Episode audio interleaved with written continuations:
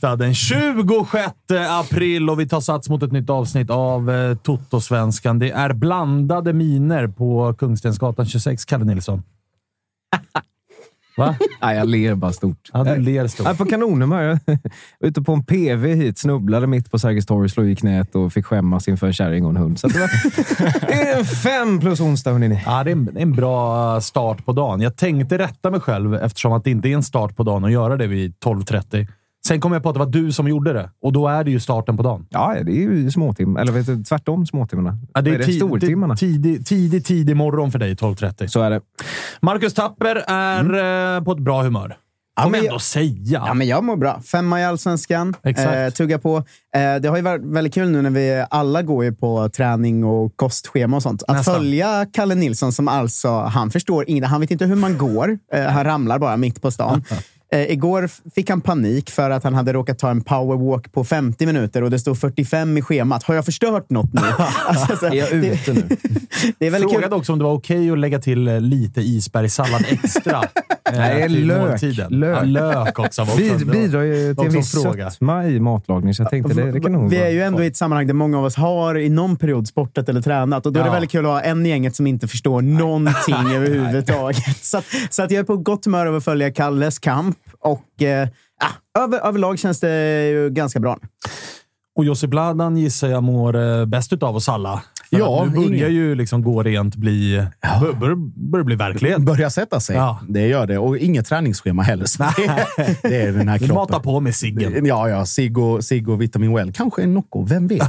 Men eh, nej, men det är såklart sportsligt. Det är 10 av 10. Det finns inte så mycket mer att, att klaga på. Och så fick, eh, fick Tapper uppleva en, en kväll av eh, MFF-hets också på, på Twitter. Så det, det gläder mig lite extra. Han hamnar ofta i skottgluggen.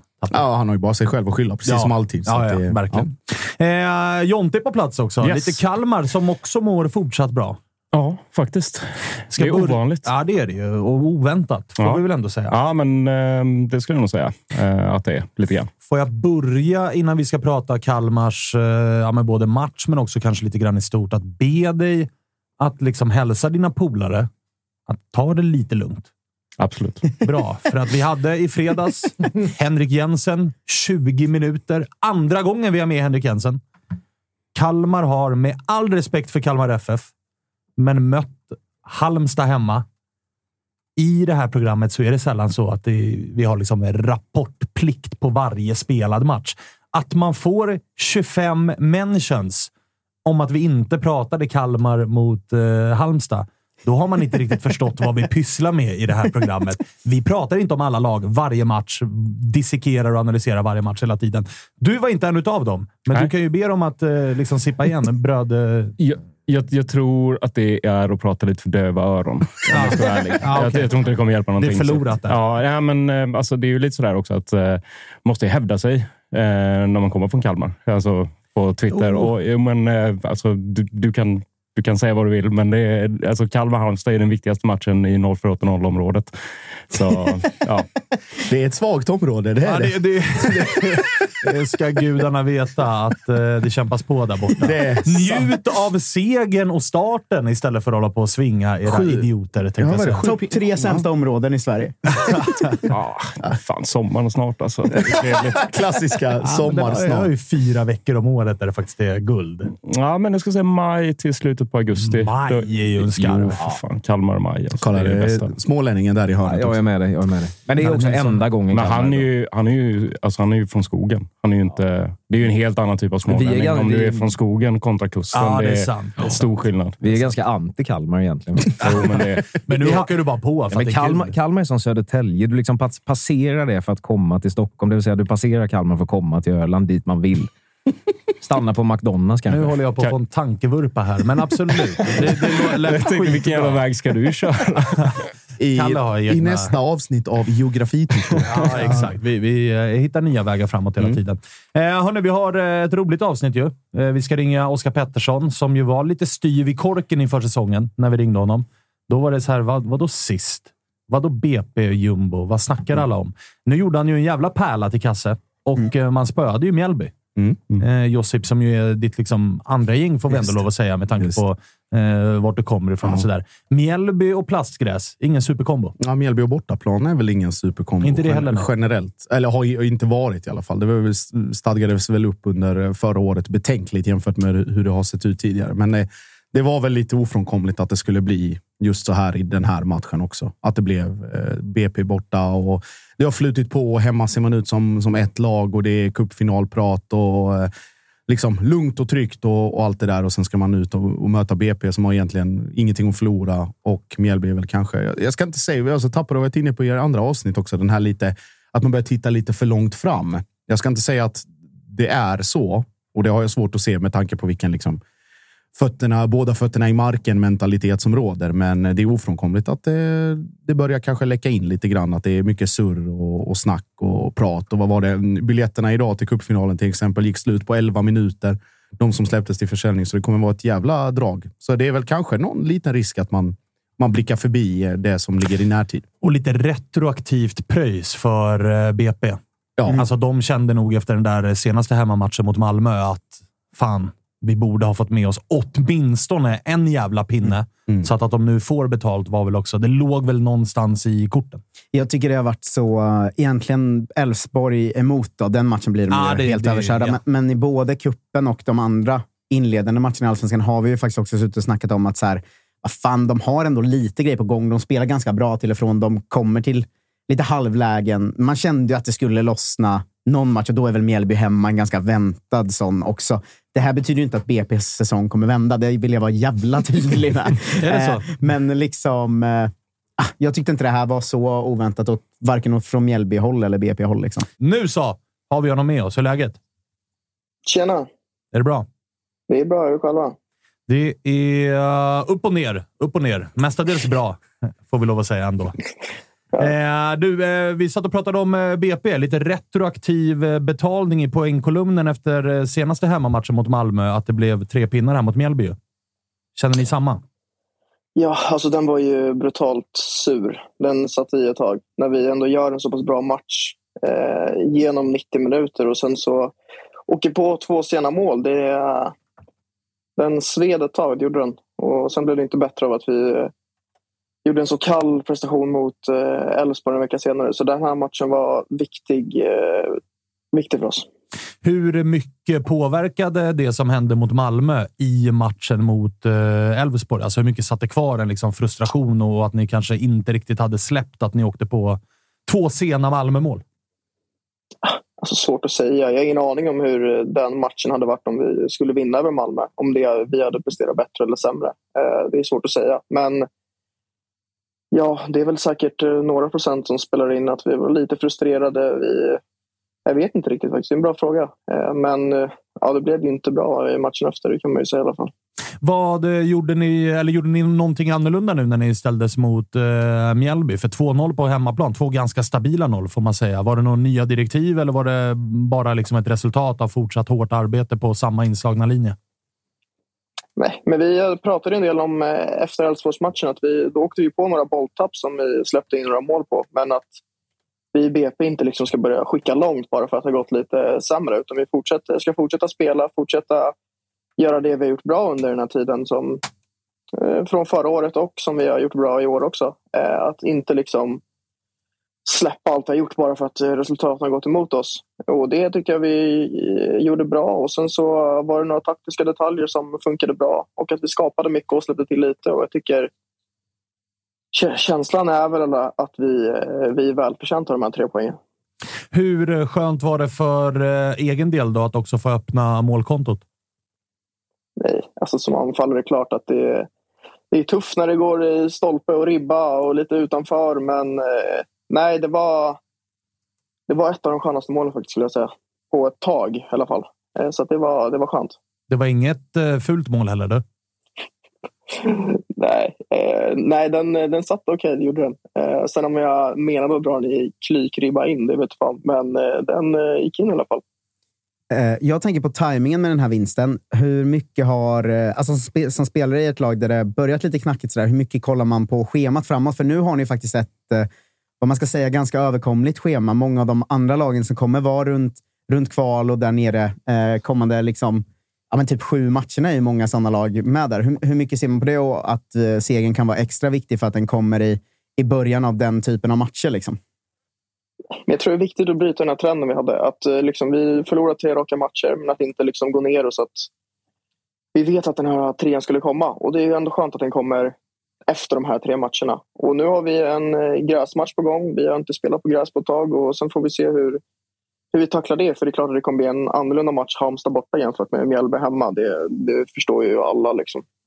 Du, eh, en spelare som eh, gjorde en jävla match och som kommer in och håller nollan här är ju Filip Sidklev, 18 år gammal, i, i målet. Vad säger du om honom?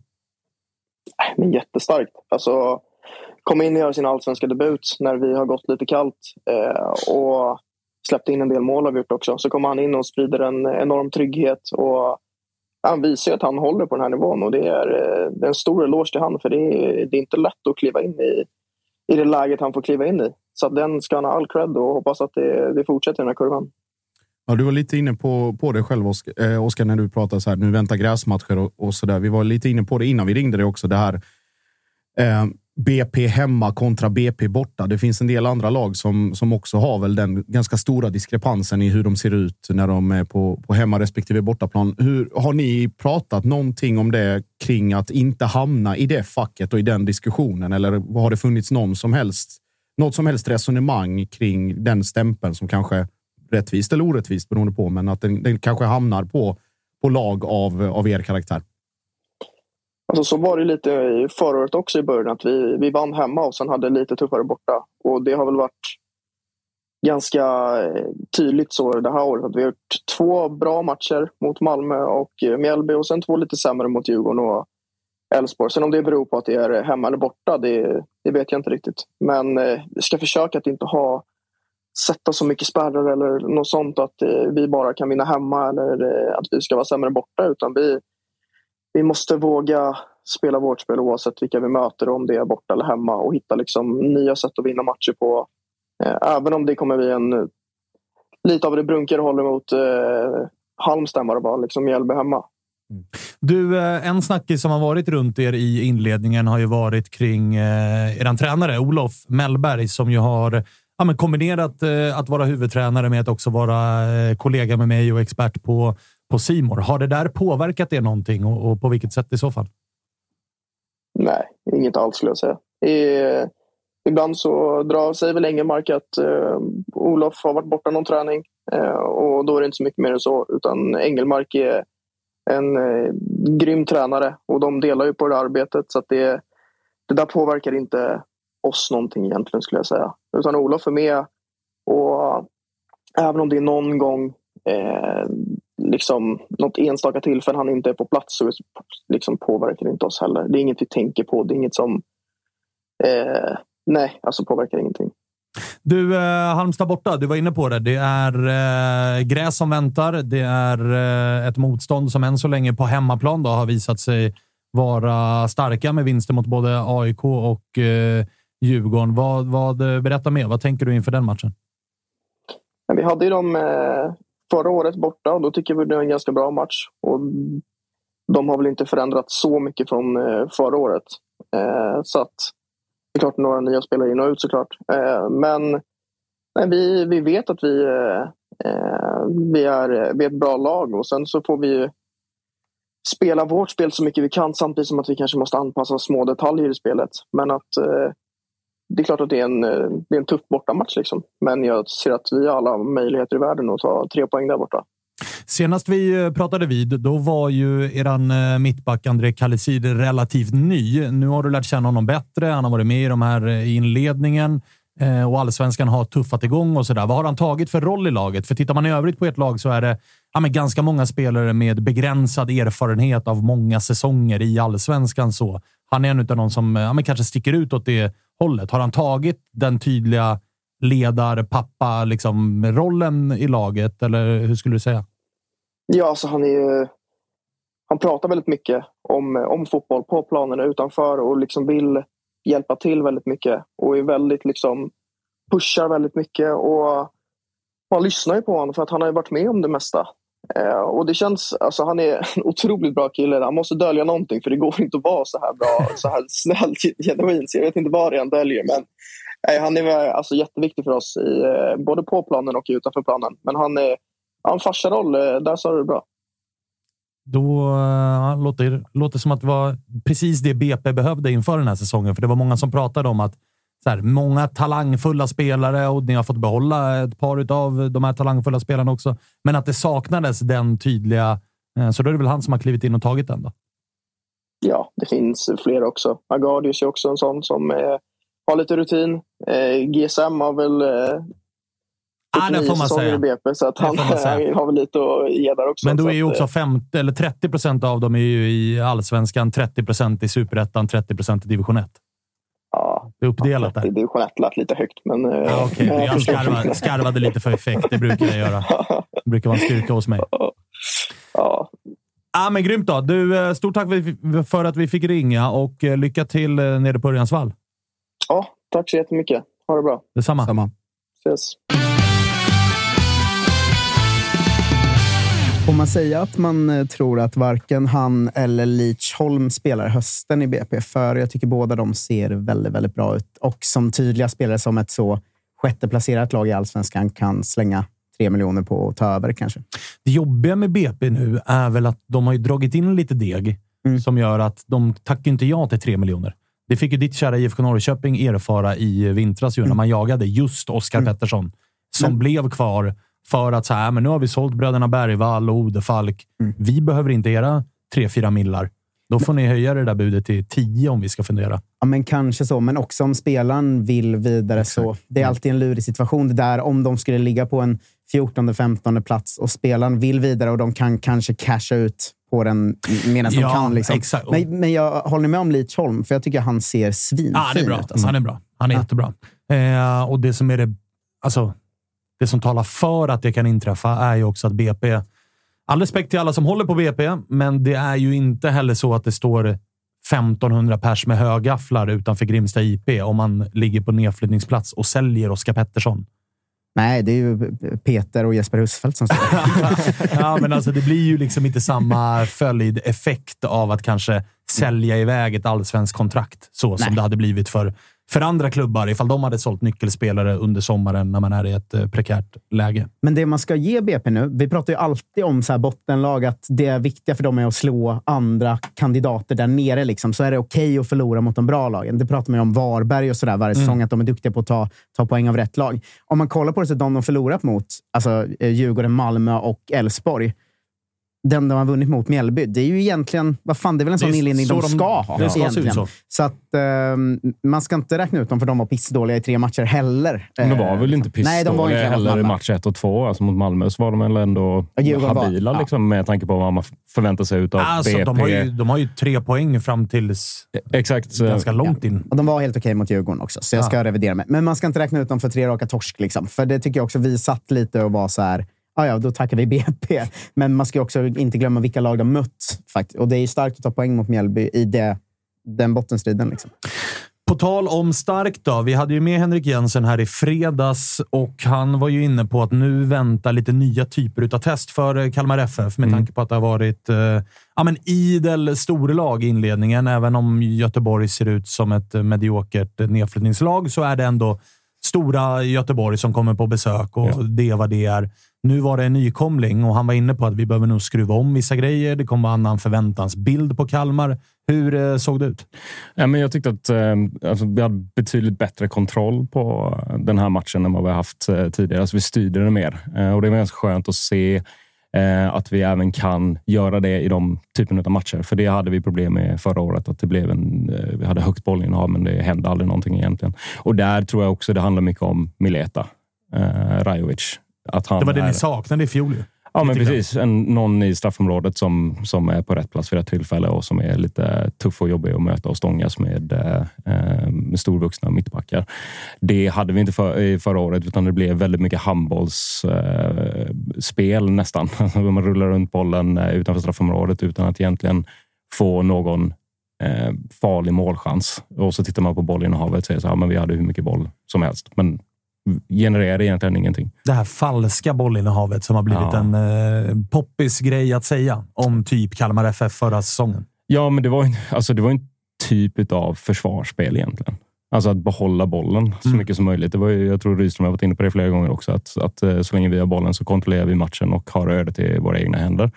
Men så att det var väldigt skönt att se att vi kunde städa av, inom citationstecken, ett lag som eh, eh, ska befinna sig på den nedre halvan och kanske inte förväntas dominera mot oss eller ha stort bollinnehav. Ja, Jag tänker just på, på formuleringen städa av. Det har, alltså, som du är inne på, mycket Fy boll. fan vad jag hade velat städa av ett lag i Allsvenskan. Ska jag bara vara tydlig med att säga. Vad avundsjuk jag är. Gå på glas här. Ja, ja, precis. Nej, men eh, just alltså, Kalmar som du säger med det här alltså, högt eh, bollinnehav, eh, relativt lågt bolltempo, men också att man, om vi jämför med förra året, där det kanske var att okej, men nu har vi bollen, att det blev någon form, jag ska inte kalla det låsning, men kanske någon press, osynlig press eller undermedveten eller osagd att men nu har vi den, nu måste någonting hända framåt för att det är det alla förväntar Ja. sig, det är det Rydström förväntar sig.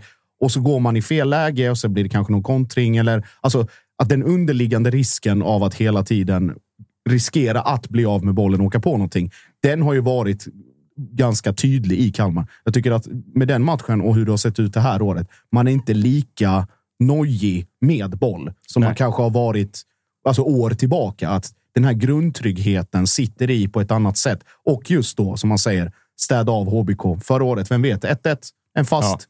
Eller Nej, 0-0. Eller 0-0. Eller alltså så. Precis, det händer väldigt lite. Nu är det så här, okej, det enda vi behöver idag det är två baljor. De kommer komma och det är lugnt. Det är, liksom, det är inga konstigheter att man går ut med den inställningen istället för att så här, ja, det, det är lugnt, men det kan också... Alltså, Men den- någonting som inte det har pratats jättemycket om och som jag ta mig fan hajade till på när jag gick igenom Kalmars första fyra matcher här nu.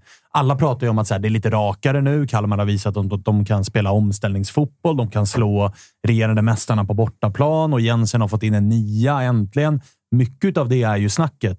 Men efter fyra spelade omgångar så har Kalmar släppt in två mål. Båda är på straff. Ja. mm. Så att det är ju fortsatt, trots att bollinnehavet inte har varit 75 procent mot Malmö, Häcken och, och ja, visserligen mot Göteborg och nu mot eh, Halmstad. Då, men det är ändå en fortsatt solid defensiv. Man har fått tre straffar emot sig, släppt in två mål och båda är på straff. Liksom. Visar inte Friedrich match efter match att han är allsvenskans bästa målvakt också? Ja. Alltså, försvarslinjen sitter också mycket... Alltså jag, jag satt ju här i kuppen och sa att jag tycker försvaret ser lite svajigt ut, för det tyckte jag då. Sen fick, det har man ju fått äta upp redan, för det ser bra ut. Men Friedrich framför allt, alltså vilken målvakt det är. Jag tycker han är otrolig. Ja, men, eh, och, och just att han är ute ganska mycket också och räddar upp situationer där han kanske...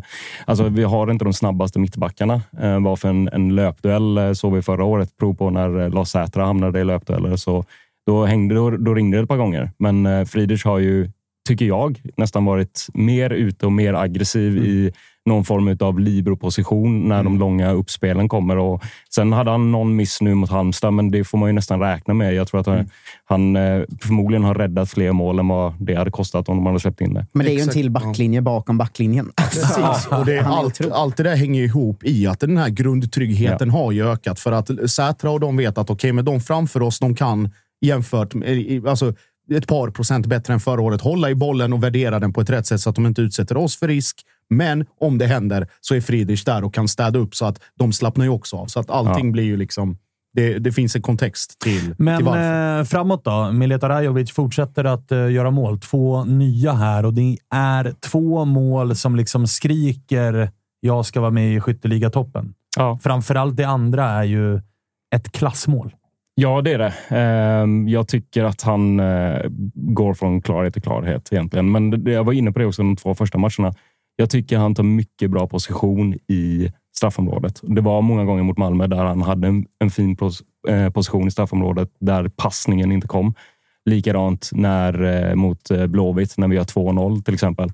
Då Hymmet egentligen tycker jag ska slå passningen när, eh, i, när han tar emot bollen direkt till Rajovic som kommer få ett jättefint läge. Då.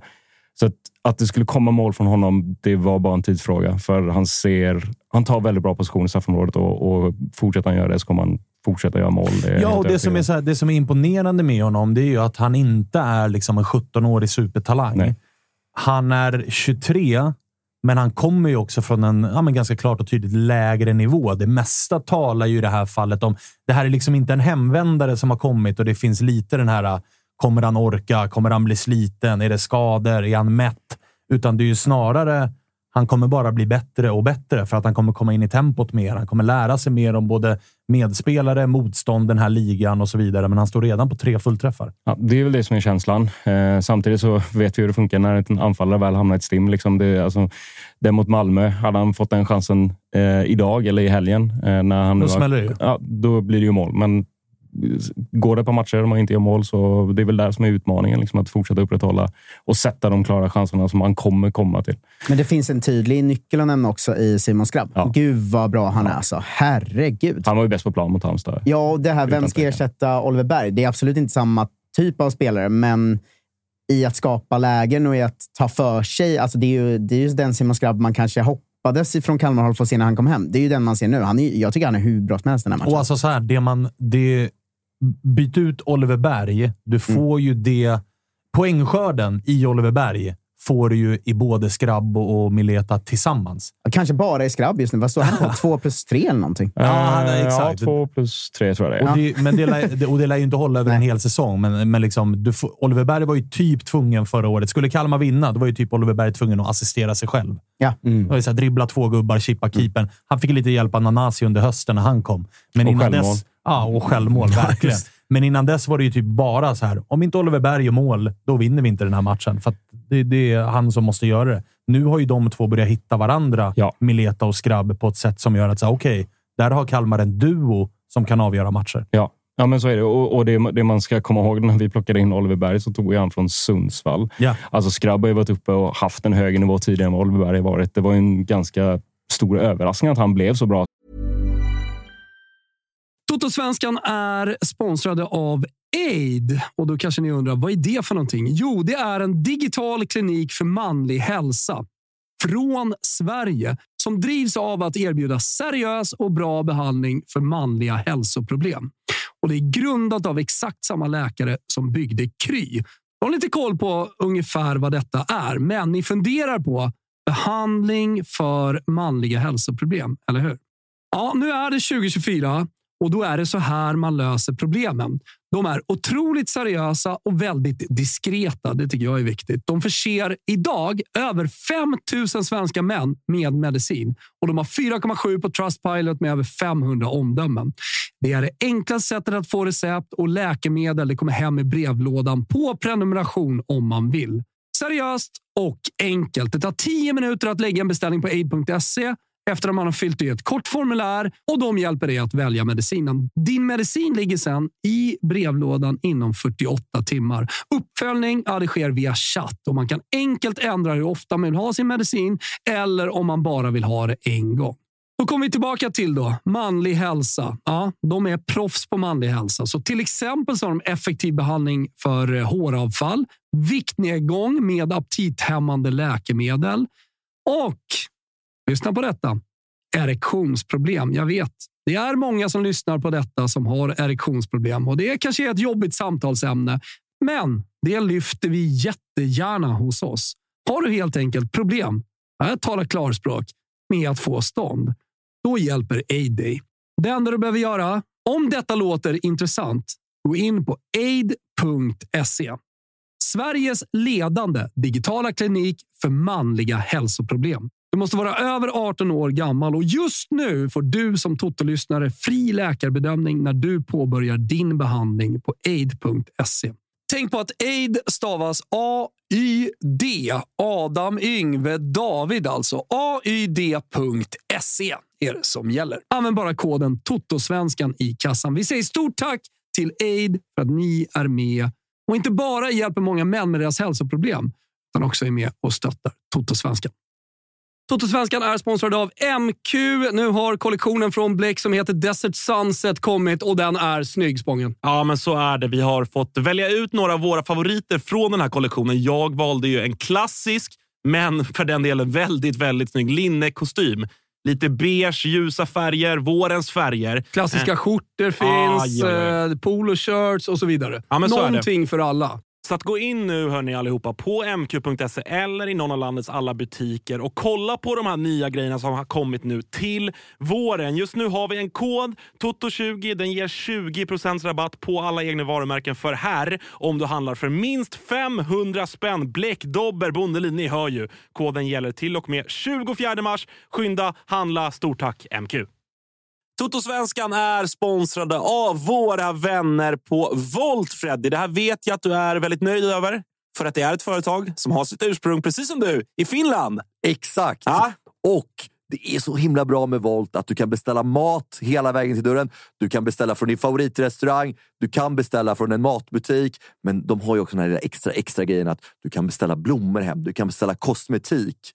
Och det bästa också i Volt-appen är ju att de har unika erbjudanden. kommer nya erbjudanden varje vecka. Så gör som jag och Agge och ladda ner Volt-appen och se vad just din stad har att erbjuda. Gör det nu. Stort tack, Volt! man blev och att Djurgården betalade de pengar de gjorde för honom. Men Skrabb hade man kanske andra förväntningar på när han kom hem. Lite skadebekymmer och sånt förra, förra året, men jag tror att får vi samma utveckling på honom så alltså han kommer vara bättre än Oliver Berg. Nyttigare än Oliver Berg i, i, eh, för det. Fan vad jag älskar den här delen av säsongen där Kalmarsportare kan säga att Skrabb är bättre än Oliver Berg snart. Liksom. Det, det är det fina med fyra omgångar in. nej. Jag En- älskar det. En sista grej med, med Millet också. Det är ju så här, man märker redan nu, alltså det, det är mång, på många sätt med sin fysik och liksom lite, lite stolpighet och liksom det här lite krumma nacken och han är så jävla stor som han är. Det, det är ju den gamla skolans liksom 4-4-2 striker och det är bara det. Men han visar ju också ett register. Han kan nicka, han kan skjuta, han kan, som du säger, sätta sig själv i positioner. Och det, det är också det jag tror mest signifikativt, kanske flugit lite under radarn. Det målet han gör mot eh, Häcken. Alltså från ingenstans och så sitter den inborrad i nedre vänstra, vänstra hörnet. Ja. Alltså sån träningsavslut helt enkelt. Och att om den hittar in redan nu, då, är liksom, då, då finns det mycket, det mycket mer var, att hämta. Det som var grejen med den, det, jag tycker ju snarare att det är de två målen mot Halmstad som någonstans bevisar. För att, alltså, så här, Mm. Det målet han gör borta mot Häcken, det kan Dåligt nog- försvarsspel Ja, och också. så här, det är Ja. lite dåligt försvarsspel och det står 2-1 och Häcken trycker... Alltså, du vet, det målet kan typ alla allsvenska, allsvenska anfallare göra. Men att svara upp med de två målen omgången efter mot Halmstad, det är det som någonstans för mig är en bekräftelse på att okej, den här gubben kan nog utan bekymmer göra 10 plus om han får vara skadefri. Mm, det här är, det är en garantianfallare Mm. som man har hittat liksom, nere i fyndlådan. Så Dan- hatten, av. Liksom, danska, fynd, danska fyndlådan. Du, eh, vad tänker du framåt här då? För det här var ju eran tuffa del. Utav, Alltså starten och första fyra såg ju alla att det var så här, okej, det är Malmö. Sen kommer Blåvitt. Sen ska ni till Hisingen Ja. och sen kommer en nykomling. Lite halvlurig start. Men Absolut. ni står på eh, nio pinnar. Yes. Och nu väntar väl ändå Varberg, Varberg. Sirius, Djurgården, BP, Värnamo. Mm. Ehm, Tacksamt på pappret. Ja, Fem absolut. bottenlag. Och så undrar Tapper varför, alla, varför det alltid blir jidder med motståndarlagssupportrar. Har, har du någon eh, checklista där du försöker liksom komma in i huvudet på alla, alla lag Ja, i det har Allsvenskan? han. Jo, men det fattar ju inte folk. Att när man möter ett lag, då handlar det bara om psykgame en vecka. Och sen går man ju vidare till, nu kommer jag nog skita i det, för Göteborgs supportrar är för jobbiga. Så jag checkar ut en Framförallt så vecka behövs, du behöver liksom inte gå in i deras skalle. Det är fullt i deras skalle som det är. Problemet är också att folk glömmer inte. Nej. Det är som, så har du inga vänner i hela landet. Men det är- Men alltså, eh, Tappers polare i Norrköping tror ju på allvar fortfarande att jag tycker att Arnor Sigurdsson är en dålig fotbollsspelare efter att han filmade till sig det där röda kortet. Det är så kul när de dyker upp ibland. Ja. När Arnor gör en överstegsfint mot Malmö så får man två mentions. Så att, vad säger du nu då? Ja. Ja, alltså han är bäst i serien. Ja, men typ- ja, men det det- är lugnt. Tweet 2021 09 31. Bara, vad fan. Och det är samma när vi ska möta Malmö nu. Att jag har ju en massa pekingpolare som bara, "Ja, hur gick det för dem att gå rent i höstas? Man bara, men ni måste fatta att man bara säger grejer. Alltså, chilla. det enda man gör är att säga grejer och hoppas att det blir lite stökigt Ja, någon annanstans. exakt. Sen går man vidare. Exakt, Ta det exakt. lugnt. Citat, eh, citat eh, Marcus Tapper innan sändning. Eh, jag tog bort min tagg från ditt inlägg. För citat, eh, en, dubbelcitat. Du ska inte få plocka billiga poänger på mig vid förlust. Men Ja, du, eh, eh, Jonte, alltså det är ju ingen, det är ingen stor skräll att säga att när vi kliver på uppehåll så kommer Kalmar vara topp fyra. Kanske. Ehm, det, Vad talar emot? ehm, att eh, livet. Och sen det, det, Men, eh, Livet. Jävla analys du har dragit där du. ja, Nej, nej, men, till. Ja, verkligen. Nej, men det vore väl så jävla typiskt om de åker och torskar mot Varberg nu. Men, men eh, det som är skönt med att ha de här nio poängen nu, det var ju att när man såg spelschemat, precis som du var inne på, bara, fan, vi kan stå på noll poäng i, inför Halmstad hemma. Eh, och så såg man att Halmstad tvålade lite AIK och tänkte man, ja, de är inte så jävla dåliga. Eh, Men nu har vi de här pengarna lite mer arbetsro. Skulle det vara så att man tappar poäng mot Varberg till helgen. Det brukar vara svårt i Varberg. Eh, Jocke Persson och hela Ja, ja, det jävla... blåser sidled och allt vad fan. Ja, de är väl liksom så här 400 meter långa tillsammans om man ställer dem på, på varandra. Och, och, eh, det, kan mycket väl bli en torsk där, men det, blir, det är inte samma katastrof som det hade varit ifall vi hade då inlett med tre raka torsk mot eh, Malmö, Blåvitt och, och Häcken. Nej, att, och det eh, var ju dessutom inför säsongen, det ska vi ju vara ärliga och säga att även om man pratade bra i intervjuer och sådär, så är det ändå en tränare som inte har varit på den här nivån och han kommer till ett eh, liksom, ny liga och ska lära sig allt det. Han tar över efter en tränare som har gjort stor succé och som är en klubbikon. Vi har ju varit inne på det, att så här, det är ett jävla uppdrag han tar sig an. Sen om det är allt att vinna eller allt att förlora, om det kan de lärda tvista, men det är inget enkelt uppdrag i alla fall. Nu får man ju känslan av att Jensen har full koll på grejerna. Ja, och framförallt just att få de här segrarna för att, eh, precis som egentligen Rydström i Malmö också, arbetsro. Eh, och och, och eh, liksom få, få möjligheten att se, få spelarna att tro på det här också. Eh, kanske släpp, lite enklare att släppa Rydström. Hade de inlett med tre, fyra raka torsk. Då kanske det har varit spelare som hade börjat, ja, men eh, med Henke gjorde vi så här. Vi kanske skulle prova det och då är man ju redan där ute på på eh, eh halis. Så att, eh, eh, det är inte helt omöjligt att det är liksom en topplacering inför uppehållet. Nej, och dessutom så tycker jag så här, nu, nu på tal om att dra alldeles för stora växlar efter fyra omgångar, men jag tycker att Jensen med de här två senaste vinsterna i ryggen också har bevisat lite grann ändå att han kan vinna. Alltså när Kalmar vann under Rydström så visste man att då såg matchen ut så här. Ja. Och så vann Kalmar. För att de hade jättemycket boll. Oliver Berg blixtrade till två gånger och så vann man. Ja. Nu har man bevisat att borta mot Häcken kan man kontra. Man kan försvara sig lägre, spela en rakare fotboll och man kan också vinna så som man gjorde förra året, som man gör här hemma mot Halmstad genom att dominera, trycka ner, skapa tillräckligt för att sen vinna matchen. Mm, och jag kommer ihåg efter Clowngate, när vi talar om topp tre sämsta områden i, i Sverige. Nej, men efter Clowngate, när vi pratade, när namnen började cirkulera och, och hela det där. Och så mm, kommer jag ihåg, det var någon annan Kalmar-snubbe som jag snackade med. att så här, om, det är, om det blir Henrik Jensen, för han var tidigt uppe på tapeten som en av kandidaterna. Och Hellberg nämndes och det var lite där. Så jag bara, Henrik Jensen, om det blir Jensen så är det så nära Rydström man kan komma utan att det är Rydström. Och det har ju visat sig vara ganska exakt så tillspetsat, tillskruvat, kanske en, en nivå högre utifrån förutsättningarna, utifrån materialet, utifrån... Ja, Som men du, kanske som lite du mer säger, anpassa, liksom, vi ska vinna den här matchen. Inte Ja. bara så här, det här är min filosofi som det var väldigt mycket och, med Rydström. och som vi var inne på, alltså Rajovic, det var ingen... ingen alltså visst, scoutingen ska, ska ha all cred och det verkar ju falla väl ut. Men det är också så här, det är en dansk division 1-spelare. Vad var det för garanti? Skrabb med sin skadehistorik och, liksom, och tappa Berg och Nanasi och sen med, med liksom alla de sakerna som varit runt klubben också. Så, där. så det, de förutsättningarna var väl sämre på det sättet. Men med Ja, liksom, truppmässigt sämre. Ja, ja, ja. Och med, med de nycklarna och att han har nått fram och spelidé och det har liksom sett ut som det har gjort. Liksom, höga toppar och djupa dalar även under försäsongen och visst kupptorsk mot Mjällby och allt det där. Men att det börjar sätta sig. Det börjar rulla igång. Det börjar maximeras ut liksom prestationer på mer än det här som du säger typiska liksom my way or the highway sättet att Jensen hittar nycklar beroende på motstånd, sammanhang, tillgänglighet och så vidare. Så det, det ska man, vara, man, man ska vara väldigt, väldigt glad att, att den rekryteringen gick i hamn. Och det är Lite hatten. mer eh, flexibilitet. Verkligen. Får vi lov att säga. Som har gett Verkligen. eh, resultat. Eh, sorry alla, alla i... Vad var koden nu igen? 04? 0480. Ja, nu eh, släpper vi Kalmar för den här gången. Får se när de får speltid igen. Nu väntar ju eh, Varberg. Stormatch ju. Mm. Varberg, så att jag förstår att alla kalmariter sitter och väntar på att i måndagsavsnittet kommer det vara 45 minuter. Varberg-Kalmar. Det kan ni glömma redan nu. Det kanske nämns, men that's Beror på- about it. That's about it. Vad säger Fan, du? du Ja, men blir det- lite stingslig av de här förlusterna tycker jag. Jag tänkte säga, det beror på hur det går för AIK, va? Alltså i det här avsnittet ska Nej. vi inte prata AIK väl? Eller? Vadå? Chatten, chatten efterfrågar lite. men- Chatten, chatten de, det är väl de sista vi lyssnar på i det här landet? Är Korrekt. det? korrekt. Ja, Hälften bra. är blockade just nu. Ja, bra, bra, bra. Eh, däremot spelades det match nere i eh, Malmö. Som det spelades. Som det spelades. Oj, oj, oj, Sveriges det bästa lag Så är det. stod för sin bästa insats för säsongen. Absolut.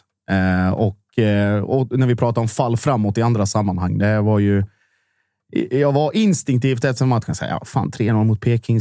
Pikt och lite fler målskyttar och Taha Sulfint som man fortfarande Mm. drömmer magiska drömmar om. Den var Men fan otrolig. men- så det får man ju säga. Vilket Ja, håll man än alltså, kommer ifrån. Vi kommer, vi kommer till den sen. Men det var också så här. Då fick man lite flashbacks till förra våren, där det också började väl helt okej. Började liksom uddamål och det var Milos tendenser. Och, så, och sen kom ju den, ni minns, brutal-halvleken mot Blåvitt. Där man tänkte att fan, nu, nu, nu springer de iväg här. Eh, och sen så blev det fortfarande bara 1-0 och lite halvsvajigt. Och sen efter det så liksom 1-1, 0-0, 2-2, 1-1 och sen rullade det maskineriet igång. Men det var ju den första associationen. Men Alltså så som spelmässigt, om vi pratar om att Kalmar har tagit till sig Henrik Jensens spelsätt. Och det är väl, de frågorna har väl kommit också från lokalmedia i Malmö. Att så här, är du förvånad över hur snabbt det har gått och vilket fall framåt det är? Och man jämför allting liksom med september, oktober, november förra året och hur fan det såg ut då. Eh, det är absolut en parameter, men det är också för att Henrik Rydström befinner sig också rent taktiskt och spel och liksom individuellt sett i en miljö där allting är så mycket högre än i de miljöerna han har varit i tidigare. Och det bidrar ju också till att det går fortare och att man ser de här små tendenserna. Alltså, vi kommer komma in det. Jag, eh, Tapper pratade om det innan, men den här lilla perioden i, vad är det, i början, mitten, första kvarten i andra halvlek ungefär. Eh, och sen går AC ut i 60 Där är det, alltså, man bör, det är inte det här liksom paniken att fan nu, nu luktar det 1-1. Men det är fortfarande inte den här lugnet att vi har det här fortfarande under kontroll även om Peking har, har boll. För man vet vad Sigurdsson är kapabel till. Man vet vad Lind har visat upp tidigare. Totte är alltid Totte och behöver väl ett halvt läge för att göra tre baljor när det klickar.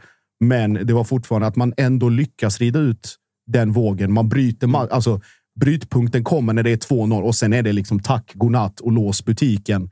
Det att den tryggheten kommer så snabbt tillbaka i ändå i jämförelse med som har varit. Det är man- nog kanske kan man- det, det, en sekund. Det är väl kanske det skönaste av allt egentligen. Att det kan bli så att det här gamla, lugna, eh, trygga MFF i matchvägande situationer lyckas hitta tillbaka till sig själva lite grann. Jag håller ju med om allt du säger. Liksom, alltså det, Malmö gör ju en supermatch. Eh, sådär. Men det är ju den där perioden där, jag skulle säga att det luktar inte 1-1, men det luk, börjar lukta 1-1-lägen. Och då känner ju alla att, vad fan, de är ju mycket bättre än oss, men får vi in ett mål så står det 1-1 i 70 liksom. Och det är ju där som matchen, det har ju Glenn gått ut och tagit på sig själv också. Men att där får ju han feelingen att, vad fan, det, det, börjar, det börjar kännas lite som att det kan komma ett 1-1-läge här. Då tar han ju ut eh, båda ytterbackarna och slänger ner en anfallare på högerbacken. 30 sekunder senare är Malmö 2-0 för att Victor Lind går bort sig så att Vecka får läget. Och där är det ju game over. Då är det ju helt kört bara. Men, kände du Tapper efter, för du kommer ändå från eh, liksom 3-0 slakt av Gnaget. Mm. En, liksom, en ny trea av bara farten mot Värnamo, även om det spelmässigt inte var en imponerande insats. Vad var det för fart? Ja, men, så, ja, men farten från AIK. Ni ställde ut dojorna mot Värnamo och vinner den matchen. Ni kommer ändå med liksom, det bör vara ett Peking fyllt av självförtroende. Mm. Kände du ändå efter 90 minuter att så här, okej, vi, var inte, vi är inte där ännu. Nej, Malmö man- är fortfarande Malmö. Liksom. man känner väl lite det man har känt, att så här, det är bättre än förra säsongen. Och jag tror eh, ändå att det går ungefär som vi tänker första 70. Malmö är jävligt mycket bättre än vi är. Det, det, det är ju bara, det är bara att ta av sig hatten och säga att det är två nivåskillnad på lagen. Liksom. Men vi håller ändå det nere och jag tycker inte det skapar så mycket farligt egentligen, utan vi låter dem ta skott lite utifrån och sådär som vi pratade om innan. att om AC får det läget, då blir det mål. Men man kan ju låta Vecchia få det läget oftast. Liksom. För att han inte är där än. För att han exakt. inte är där än. Så att jag, tyck, jag tror att det följs och sen så tappar vi det ju. När 2-0 kommer är det ju superkört. Det finns inte en chans att vi får upp det till 2-2. Liksom. Men jag tror att man fick ungefär de beskeden man tänkte. Ja, Malmö är bättre. Ja, vi är lite bättre än förra säsongen, men vi är inte riktigt där. Precis som när vi mötte Häcken i, i eh, Svenska Cupen. Att det är fortfarande en jävla nivåskillnad på oss och de absolut bästa lagen när de spelar på topp. Alltså kommer Malmö ut och gör en bra match, då, då, då har vi inget Då att hämta det där. inte. Ja, men exakt. Men att... Ja, jag tycker ändå fortfarande att både försvaret och Oskar Jansson framför allt då, det ser bättre ut. Och sen så här, man ska ju aldrig efter en 3-0... Det är en jävla loser-mentalitet efter en det är det. 3-0-förlust att vara så här... Det är det. Ja, men det är, det är, det är okej. Men nyanser är men om, viktigt. men om det är någon förlust som är okej, så är det väl den här. Alltså, skulle någon sagt inför säsongen att efter Malmö borta, AIK borta, Värnamo hemma, Sirius hemma kommer ni ha sju pinnar. Jag tar det varje dag i veckan. Ja, det liksom. förstår jag. Nu är Det bara upp på hästen och åka och förhoppningsvis motreagera mot IFK Göteborg som väl just nu är typ seriens sämsta lag. Inte, inte bara typ, utan de är. facto. Alltså det, det luktar ju så jävla mycket att Göteborg ska vakna nu. Vi är ju tyvärr. också- Men, men, men, men liksom... eh, Sulle. Men det, det, nu handlar det om upp på hästen igen. Liksom. Alltså, Arnor är ju helt out den här matchen. Och där är en analys som jag har saknat. För att det som händer den här matchen, det är ju seriens två bästa nyförvärv. Alltså Busanello och Cornelius, som vår, alltså vår högerkant med Victor Lind och Bosse. Totte. Bosse, Ja, Bosse. vill jag vara tydlig med. Men alltså de två nyförvärv, vilka spelare är det? Alltså Victor Lind har ju sett riktigt, riktigt bra ut och varit den som fått in inlägg och som skapat grejer. Han har inte en chans mot Busanello och Cornelius. Alltså vilken vänsterkant de har i försvaret där. Det tycker jag var, det är bara så här, det är bara backa. Vi satt och hånade honom som en hockeyspelare och vi får se hur Ja, men Busanello det, kommer vi ju, Men- det kommer vi ju fortsatt göra för att han är från... Det har ju ingenting med hans kvaliteter att göra. Han nej, är nej. från Kanada. Men menar, Var det inte, alla var som, det inte curling? curling, curling, curling. men alla som såg den här matchen ser ju att Cornelius och Busanello, Bosse, eh, det är ju... Alltså vilken nivå det är. Ja, det är klass. Det är Herregud alltså. Men det jag tycker är imponerande mest med Malmö är det vi, så här, det fanns viss spekulation och det finns, fanns en rimlig anledning till spekulation inför den här säsongen när Rydström kom. Och det är inte så här, det är en sak för Henrik Rydström att träna Kalmar där det typ är 22 spelare som allihopa har ett sämre CV än Henrik Rydström. Man är också på en plats där det är så här, ja, det är väl klart att vi lyssnar på dig. Du är klubbikon. Alltså han kommer dit med en viss status. Kommer man till ett omklädningsrum i Malmö där hälften av truppen har spelat Champions League. Nyförvärven är Bussanello som har varit i brasilianska ligan, ukrainska ligan. Eh, Derek Cornelius har nyss varit och spelat VM.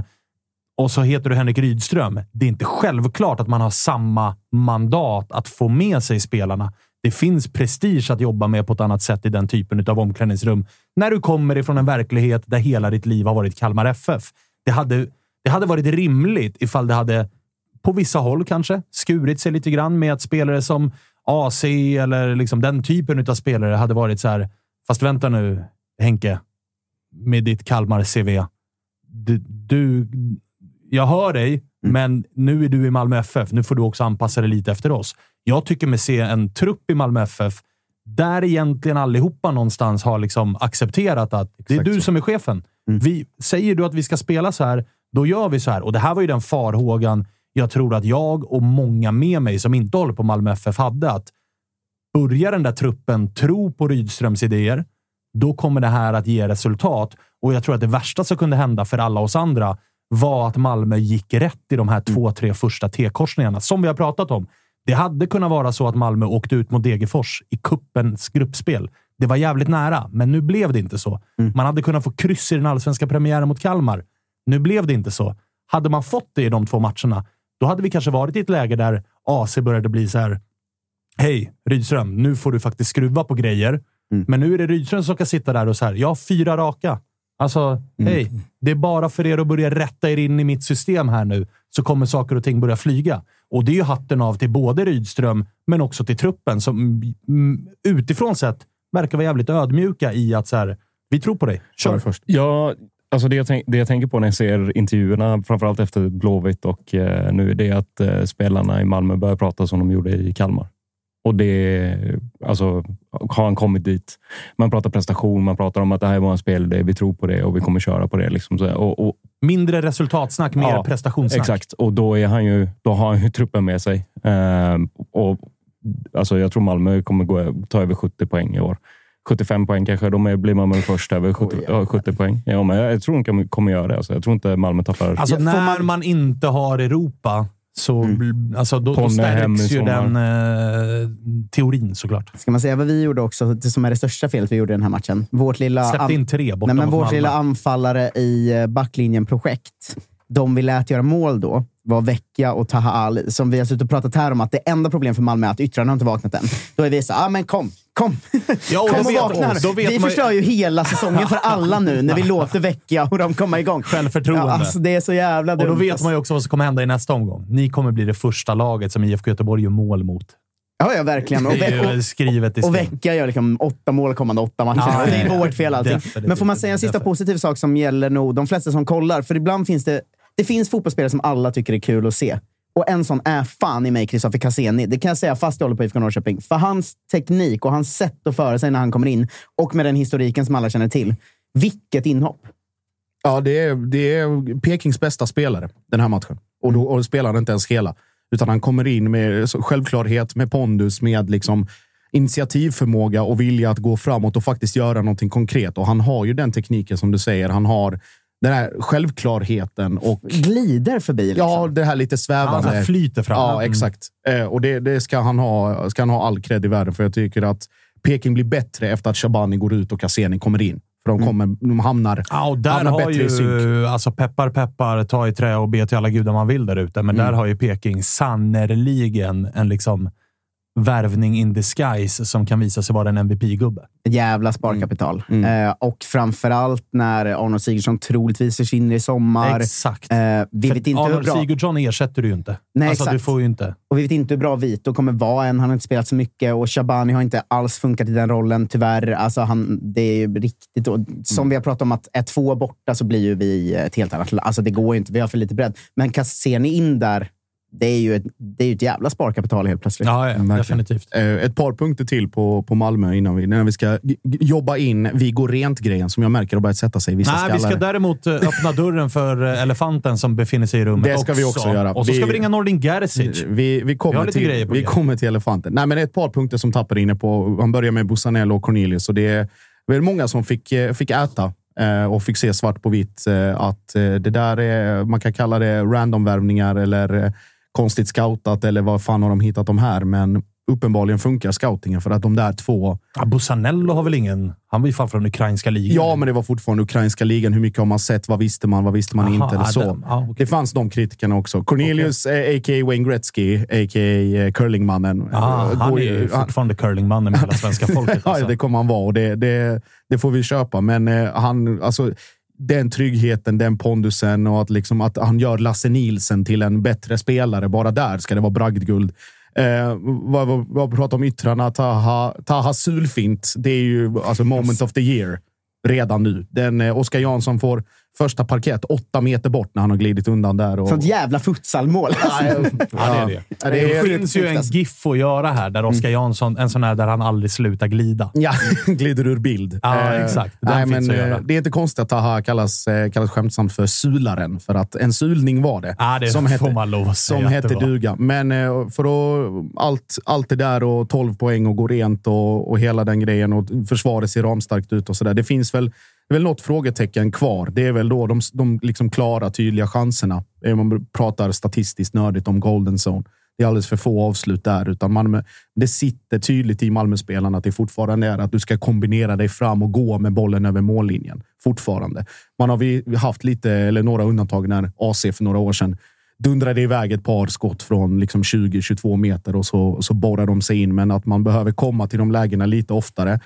Eh, och med, eh, eh, fan tänkte jag på, Ehm, synken då, att den, är, den fortfarande är så pass bra med Hugo Larsson, med eh, Sergio Peña eh, och med AC.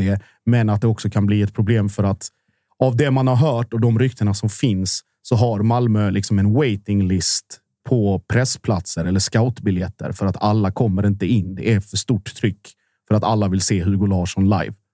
Och om det är ett sånt lyx... såg ju någon, som, någon Malmö-supporter som började gagga om 200 miljoner. Då fick man Vi ska inte bara- gå i den 200 miljoners fällan för det. Göteborg, Göteborg satte prislappar och det biter de fortfarande i arslet. Men eh, att det kommer bli mycket pengar, det kommer det bli. Ja, det kommer det bli. Däremot, om, om man ska ha något litet frågetecken, nu letar, letar jag alltså, djävulens advokat, men att man redan nu ska försöka och tänka på att börja fasa in alternativt nå fram till en lösning i sommaren med den som ska ersätta Hugo Larsson. Nu har vi tacksamma och glada och tacka alla gudar för att Mohamed Sibi är tillbaka efter den liksom, potential career ending skadan som han fick. Eh, det finns Lewicki där. Liksom, det finns spelarmaterial att rotera på det tre Tomotej. Timotej, icke att förglömma. Att, Timotej.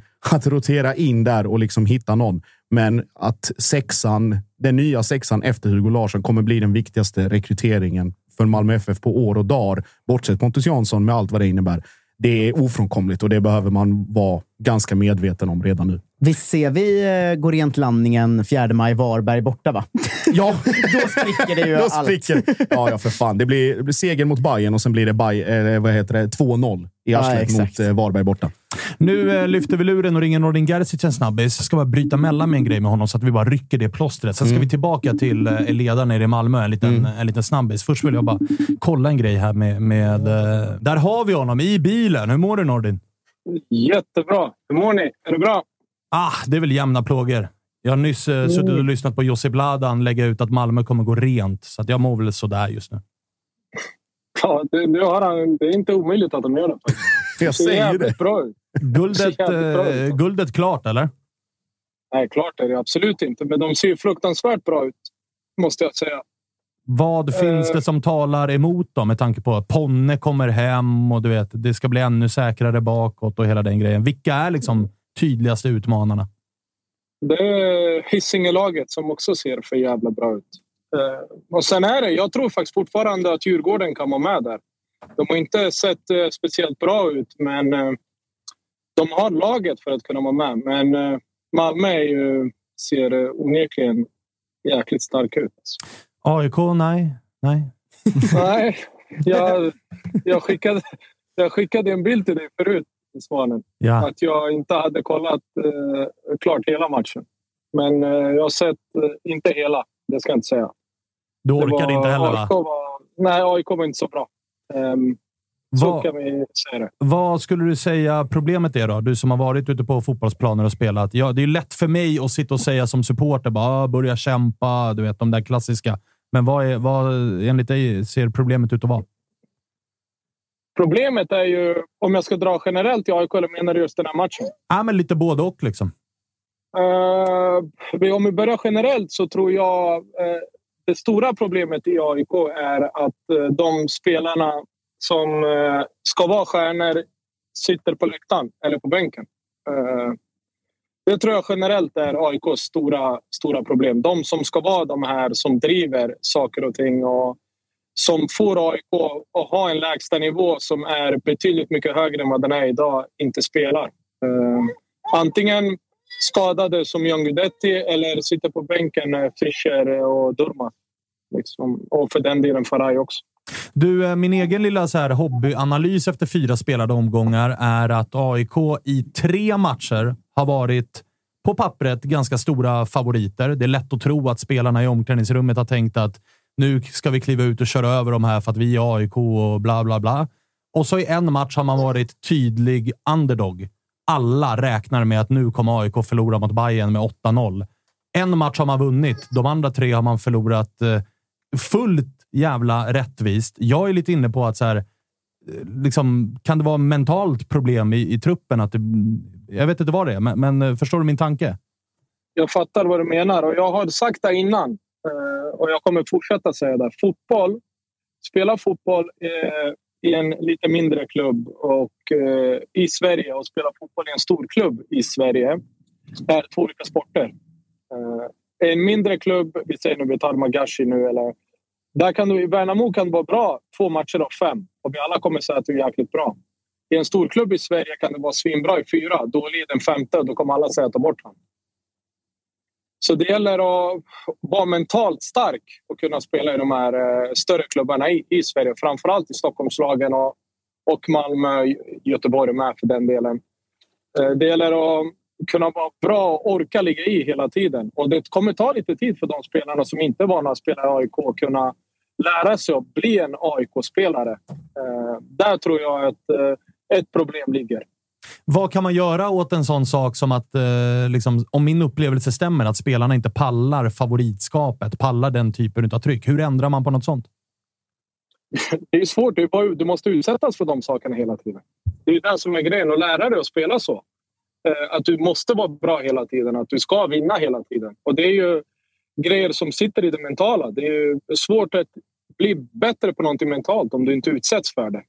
Ehm, så att det enda vägen att gå det är bara att fortsätta att pumpa på. Det finns inget annat. Liksom. Hur tror du Brännan resonerar här inför eh, Sirius hemma nu? Tror du att det är att kasta in eh, Fischer och Durmas i, startelvan och laborera om det? För att han har också varit inne på att så här, Vi är typ allsvenskans långsammaste lag än så länge. Fischer och Durmaz. Det är inga speedkulor man får in där direkt, så att det, uppenbarligen verkar ju Brännan brottas lite grann med att kanske vill man ha dem på plan på grund av deras tekniska förmåga, individuella skicklighet, men man vill också ha löpstyrka, snabbheten för att bedriva hög press och sådär. Så att, hur tror du det kommer bli på lördag?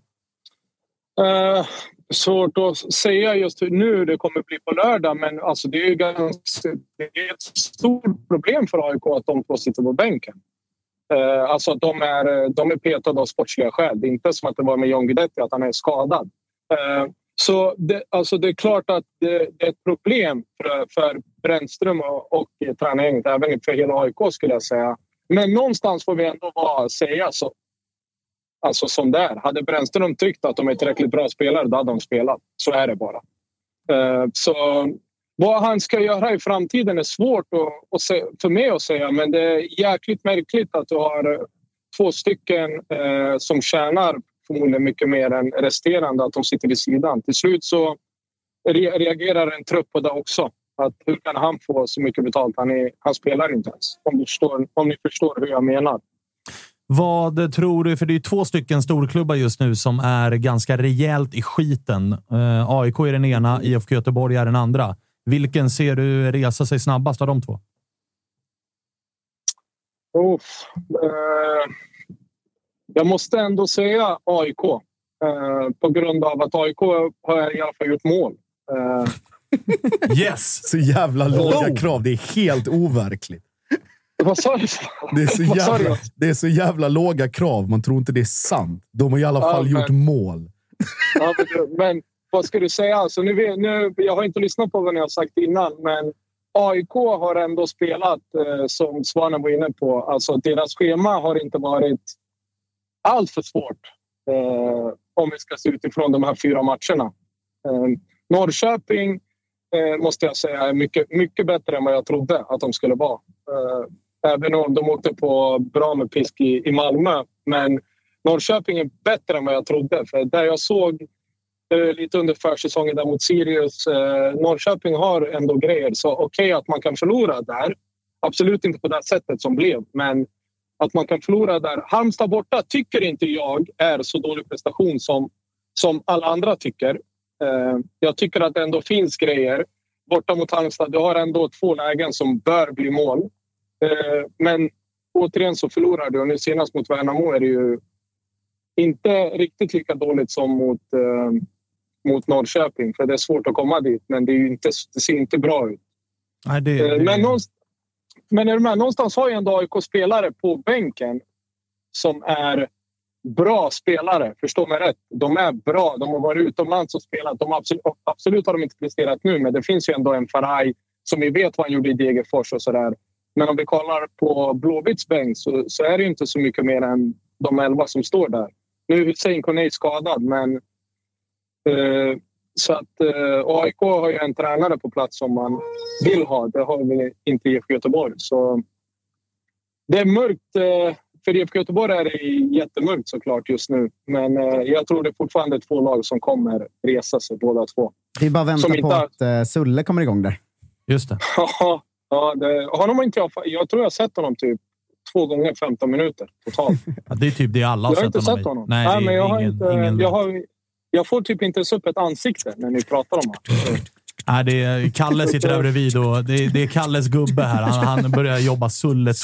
Snart Ja, går just det. Just det, Kalle är ju, just det, Kalle är ju blåvitt. ja. Just det. Snart går Sulletåget, säger han. Jaha. Det vet du Norden, du är med. Ja. Ja. Så att, eh, men vadå? Nyc- AIKs nyckel, få igång stjärnorna. Det, det, Ja, men, men, alltså, men förstå mig, alltså, så, så här är det ju. Alltså, du kan ju... Alltså, det, du kan inte ha de två största... Nu med Guidetti, Gudetti är skadad, eh, så där ska man inte... Men du kan inte ha de tre spelarna som är de tre stora stjärnorna, eller ska vara de tre stora stjärnorna, och ingen av de tre spelar. Det, det går, du kan inte ha så. Det går ju inte. Ehm, så antingen får AIK hitta något sätt eh, där man hittar ett sätt att de ska spela eller så får du hitta något sätt där de inte ska vara i AIK. Om du förstår mig rätt. Ja, framförallt, Det är, det är min, det är min eh, take på det. framförallt ska du väl inte ha två av de tre mest meriterade stjärnorna som pratar och kommenterar i media på det sättet som de gör efter matcherna när de blir petade. Alltså att Durmaz... Nej, jag, jag har Dur- inte läst. Jag har, Nej, jag har nej, men- sett lite. Folk jag- har skickat till mig. Ja, men jag tar, tar som exempel. Durmaz liksom svarar kortfattat och korthugget på så här, fråga, fråga tränaren varför jag inte får spela. Eller typ Fischer pratar om att så här, spelar vi för långsamt eller vad fan det nu var. Så här, så här, mediala, syrliga pikar till, till en tränare som ändå liksom försöker försöker att bygga det utifrån när, när allting runt omkring har varit det som har varit och de prestationerna. Ja. Och att det är de två spelarna som ska vara ledande, plus John. Alltså Sotte och Milo har gjort vad de har kunnat. Men du ska kräva mer av Fischer. Du ska kunna kräva mer av Durmaz. Att de presterar på det sättet som de gör och dessutom har mage att uttrycka sig på det sättet i media. jag de- deras mediala approach tycker jag är noll. Jag tycker ingen av dem har gjort något fel där. Alltså att, att Jimmy säger “fråga tränaren”, det, det, är väl mer, det är väl så det ska vara. Det är tränaren som tar ut laget. Ja, Alltså, alltså, Jag, men jag, ja, jag har inte läst till hundra. så Nej, jag och det har, det, ja, ja, jag- vet inte. Jag, Men de, jag delar inte Josips bild av att de har liksom förvärrat någon situation genom mediala uttalanden. Nej, men om du säger så här, fråga tränaren. Han säger uttryckligen fråga tränaren, men alla vet vad fråga tränaren betyder. Eller ja, men det, var, det är bättre att säga det än att börja säga liksom, bortförklaringar eller liksom “jag tycker att jag borde spela”. Han Det säger, säger han frå, fråga också. tränaren. Han sa det sen också. Jag tycker jag borde spela. Ja, men det är klart. Det tycker alla i 22 i en trupp. Liksom. Ja. Vad ska man annars säga? Ja, men, bara, Men det måste man. säga- ja. Eh, Josip, man måste någonstans som... Eh, jag har ju, jag har ju en, eh, en grej som många spelare kanske inte säger rakt ut. Men jag ser ju någonstans... För att bli en elitspelare, eh, nu vet jag inte hur det är i hockey, men för att jag inte spelat där, men för att vara i fotboll så måste du ha den självbilden av dig själv. Att du är bättre än den som står bredvid dig eller den som är framför dig eller den i stort sett hela din uppväxt för att du ska kunna nå längre. Eh, så att jag tycker inte heller att det är konstigt att det skulle vara jättekonstigt om, om nu jag var i deras ålder, inte bara som jag var 38 när, om en tränare så då kunde jag säga okej, han är bättre. Då var det inte på, på samma sätt. Men att jag skulle stå där som 30-åring och, och tränare tar ut en spelare och säga ja, han är bättre än mig. Det finns inte på världskartan. Ja, men då får, ju Alltså, också, då får de ju visa det när de spelar. Det är väl det som har varit 100%, kritiken. ja, ja. Alltså, Ja, ja. prestationerna på planen ja. håller jag definitivt med dig om, Josip. Ja. Jag tycker däremot inte deras... Alltså, så här, sättet de har pratat på i media tycker jag har varit liksom, så de bör prata i media. Tapper? Eh, visst finns det en annan storklubb som också har en lite rörig situation, eller? Jag tänker på Malmö FF. Ja, Med, pe- med pengar tänker du? Ja vad, vad säger du om att han startade för Malmö mot, eh, mot eh, Peking? Jättemärkligt. För mig är det sjukt konstigt. Är det. Utveckla. Jag vet inte vad... Men alltså, jag är inte på det här där folk håller på med. Ah, Han, han har krökat under säsong. 2010 var jag full halva säsongen. Så för mig är inte... Så med det där skitet, det där köper inte jag. Att han har krökat. Alla spelare krökar. Vare sig... Ja, nu ska jag inte dra alla över en kant, men en jäkla massa krökar även under säsong. Så är det bara. Uh, uh, men det finns någonstans en gräns på jag krökar och jag sätter mig i en bil eller jag krökar och så går jag och lägger mig. Uh, där tycker jag att den passerades. Jag var så... Jag blev besviken på Malmö på något sätt. Nu är det, för mig handlar det inte om så här... Oh, han, har, eh, han ska straffas. Han ska, för mig handlar det inte om att du ska straffa någon. Det är inte det det handlar om. Det är inte att Malmö ska säga åt honom du är inte välkommen. Du får träna som alla andra. Men vi, du får inte vara med när det är som, som det ska vara. Det är det roligaste att spela match. Du får inte vara med. För att nummer ett så skyddar du inte pengar. Heller. För att det finns idioter som mig som kommer tycka att det här var oacceptabelt. Så jag, jag, jag kan inte förstå Malmös agerande överhuvudtaget. Alla, alltså framförallt inte, vi är någonstans... Jag är ingen moralpolis, det vet alla om. Jag gillar när folk är lite idioter också. Det hör till. Men eh, att du just gör det här är för mig så sjukt så det finns inte. Att du, alltså, du utsätter ju så många liv för fara när du sätter dig bakom den där ratten. När du är onykter liksom. Och, nej, jag, jag, jag vill inte driva på det mer. Ja, Edvin. Nu är min son hetsig här. Det, det förstår jag. Ja, men eh, alltså, men vi har, alltså, nummer ett är ju, det här är inte ett företag. Någonstans är det ju, i Sverige är vi ju en förening. Är du med? Så att en, om vi hade haft ägare som utomlands, då kan en ägare stå där och säga du, jag bestämmer här, ni alla kan dra. Liksom. Men det, I Sverige är vi en förening och jag vet inte om resten av föreningen som sitter där accepterar att en, att en som gör så går ut och representerar de föreningar och har så mycket ungdomar. När samhället ser ut som det gör idag. Jag tycker att vi har större ansvar än så. Men är inte grejen att alla, alla är liksom med på att man ska inte straffa ut Penja helt? Alltså man ska, Absolut Han ska inte. få fortsätta Absolut träna, han ska få 100%. hjälp om han behöver det. Allt det där. Men det är just signalpolitiken i att låta honom starta en match sex dagar efter det här har hänt. Det är inte som att det hände för Ja, men- tre månader sedan och kom fram nu. Det var förra veckan. Liksom. Det är väl den men, signalen. men vet vad som är? Men också så här. Det här är ju vad jag tycker. Sen om någon annan tycker annorlunda, får du tycka annorlunda. Vi alla har rätt till vår egen åsikt och, våran, och vad vi tycker äger jag helt själv och den andra som tycker annorlunda äger det helt själv. Men att, den, eh, att vdn, eh, Carlén, efteråt står och säger det här är helt oacceptabelt. Helt oacceptabelt beteende. Och så står han där ändå. Så jag, jag förstår inte det. Jag kan, jag kan inte förstå det. Jag vill inte stå och sprida massa skit om pengar. Jag vill verkligen inte göra det. För jag tycker att det är en fantastisk fotbollsspelare. Kanske en av Malmös bästa. Men det hade också sänt en signal utåt. Även om han är vår bästa spelare så kan du inte bete dig så här. Jag, Förstår kan också, jag- jag förstår absolut vad du menar och jag kan också lägga lite av ansvaret på Henrik Rydström som jag tycker agerar svagt i frågan. Vi minns tidigare under säsongen att Martin Olsson blir eh, liksom åsidosatt och petad ur truppen på grund av för sen ankomst till samlingar ett par gånger. Då tycker jag att det sänder fel signaler att kommer du sent till samling två, tre gånger, då får du inte vara med. Men här har vi uppenbarligen en spelare som sex dagar innan match blåser 1,3 promille efter att ha satt sig bakom ratten. Dels moraliska skäl, men också vad sänder det för signaler till spelare som Oskar Lewicki, Lomotey, som är där och konkurrerar? Att sex dagar innan match är en startspelare ute och blåser 1,3. Men han kan göra det och ändå få starta. Jag tycker det sänder fel- signaler till en trupp dessutom. Även om Rydström skyddar sig lite grann med att så här, ah, klubben har inte stängt av honom och då är han uttagningsbar och det här skedde inte på arbetsplatsen. Jag tycker ändå att det blir märkligt att blåsa 1,3 dagen innan träning, sex dagar innan match och ändå få starta. Ah, jag tycker att det, det är svagt agerat. Ja, jag kan köpa det, eh, men jag håller inte med där. Eh, jag tycker att det är någonstans är Rydström chef för det som sker i hans omklädningsrum och det som sker på planen. Där han ska ta uttaget efter det. Det här är ett agerande där en klubb ska ta ställning.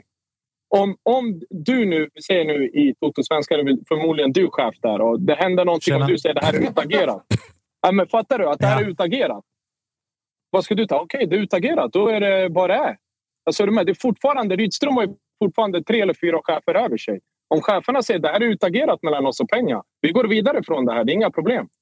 Men om klubben inte tar tag i det har ju han också ett alternativ att så här, enligt min moral ta Ja, tag i det. Absolut. Hund, rent mor- moraliskt, ja. Jag fattar vad ni försöker säga. Jag, jag är med er. Fast ändå så vill jag någonstans säga att det här är fortfarande upp till MFF-ledningen. Ja, det håller jag med om också. säga Det håller jag med om. Huvudansvaret Sen, ligger jag på dem. förstår vad ni menar. Jag, jag förstår det. Men någonstans så måste jag ändå... Jag skyddar inte Rydström, absolut inte. Folk får tycka precis så som de vill. Att han har absolut en moralisk grej i det här. Men någonstans så är det de uppifrån som ska säga till Rydström. Du, Peña, för den här matchen, lämna han åt sidan. Eh, vi behöver pratas vid mer och vi behöver handskas med det här på bättre sätt. Så jag förstår att... Eh, jag förstår att eh, Rydström någonstans ändå... Det här är utagerat bland de som bestämmer över mig. Så okej. Josip, Ja, var fan ska jag börja någonstans?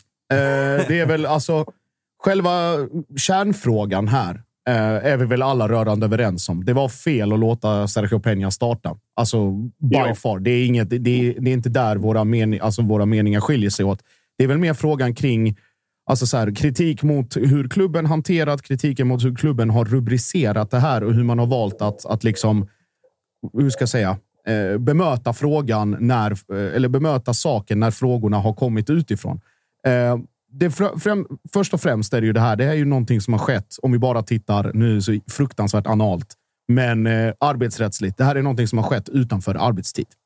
Det är, ett uppe, det är en, en sak som i straffskalan, om vi, kan, vi pratade om det här innan, eh, på straffskalan, säg att om vi, om vi bara ställer oss den moraliska frågan då, om vi ska prata om det.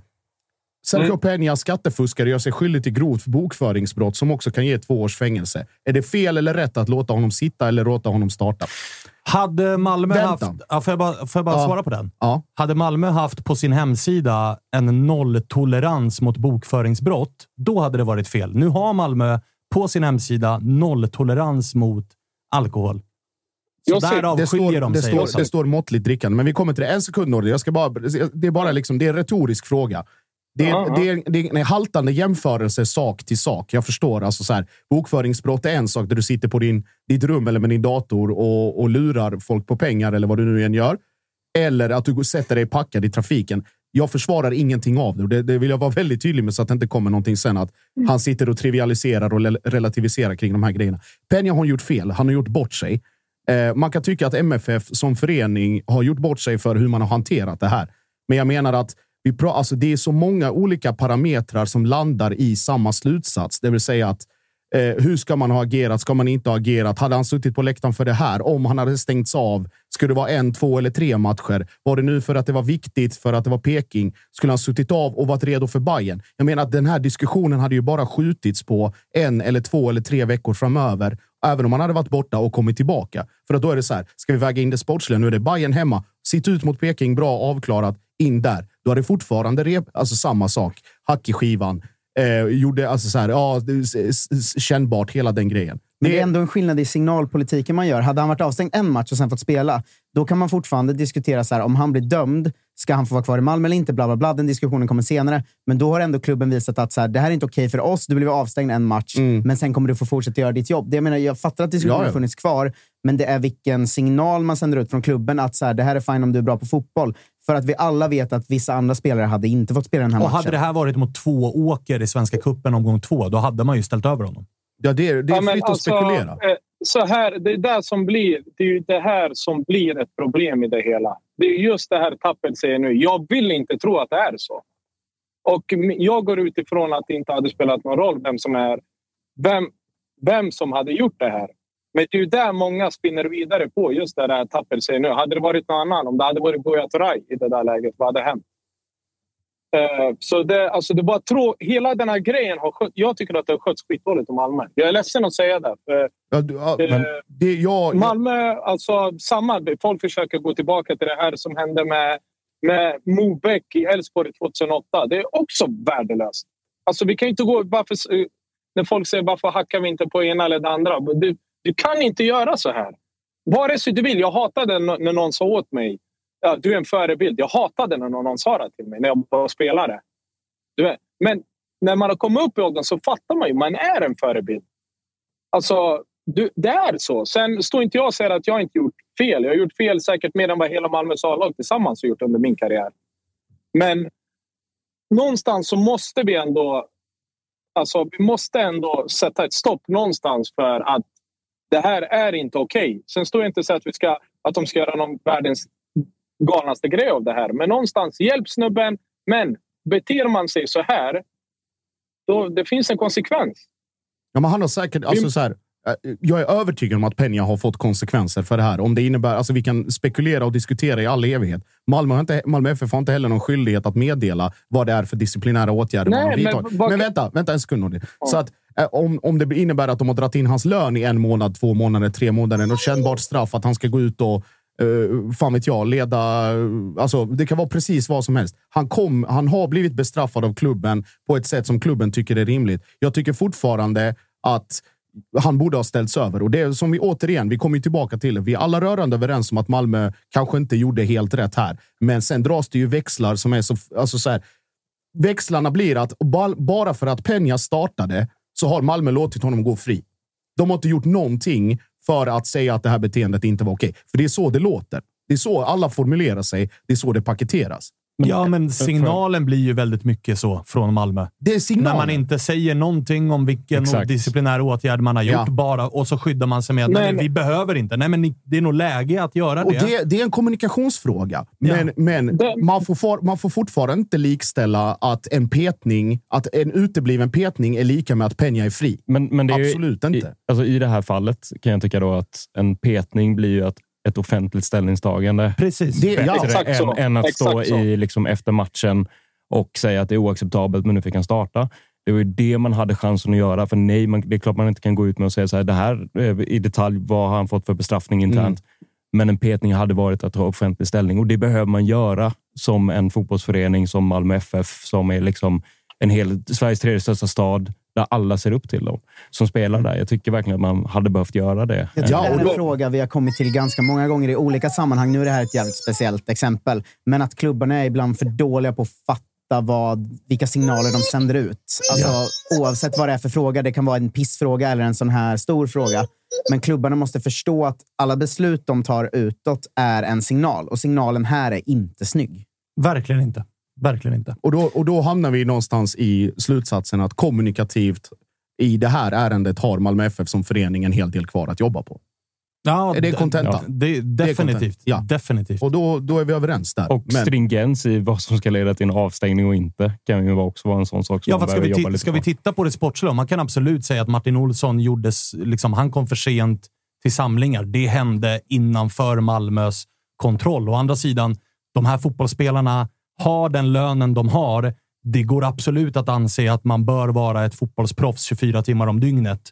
Så att, att bara skydda sig med att äh, men det Penya gjorde hände utanför arbetstid. Ja, men det är också ganska mycket värre det Peña har gjort än det Absolut. Martin Olsson har gjort. Men i Martin Olssons fall gick det bra att skicka signalpolitiken. Då var Jag det inget förstår. så här, det här sköter vi innanför stängda dörrar. jag förstår dig. Men han var heller inte en nyckelspelare, så det var lättare att skicka en signal då. Jag förstår precis. Än nu. Jag förstår precis vad du menar och det är väl liksom återigen det kommunikativa. Men det, det som är liksom viktigt att ha i beaktande här är ju också att det finns en historik med den här spelaren eh, av att kanske inte hålla sig till de här liksom leva som ett proff, proffs 24-7 i alla sammanhang heller. Och då är det väl också någonstans på klubben. Om vi, om vi nu ska lasta klubben för någonting. Ni, ni säger här kommunikationen är bristfällig och man borde ha skickat något signalvärde. Josip. Vänta en sekund. Josip, nej, jag måste bara bryta det. Jag måste lämna. Jag Ja. har ett möte eh, som jag måste in på. Ja, jag okej, hade glömt bort det mötet. Jag är redan 15 försenad. Men eh, eh, Svanen, du får eh, ringa upp igen om du vill att vi ska fortsätta. Eller hur du vill göra. Men jag tror att jag har sagt mitt. Ah, Okej, okej. Grymt då, Nordi. Du, du är som alltid Mm. välkommen när du vill. Tack för att vi fick låna din tid. Tack. Ja, inga problem. Tack, tack själva. Ta hand om er boys. Detsamma. detsamma. Ciao, ciao. Ciao, ciao.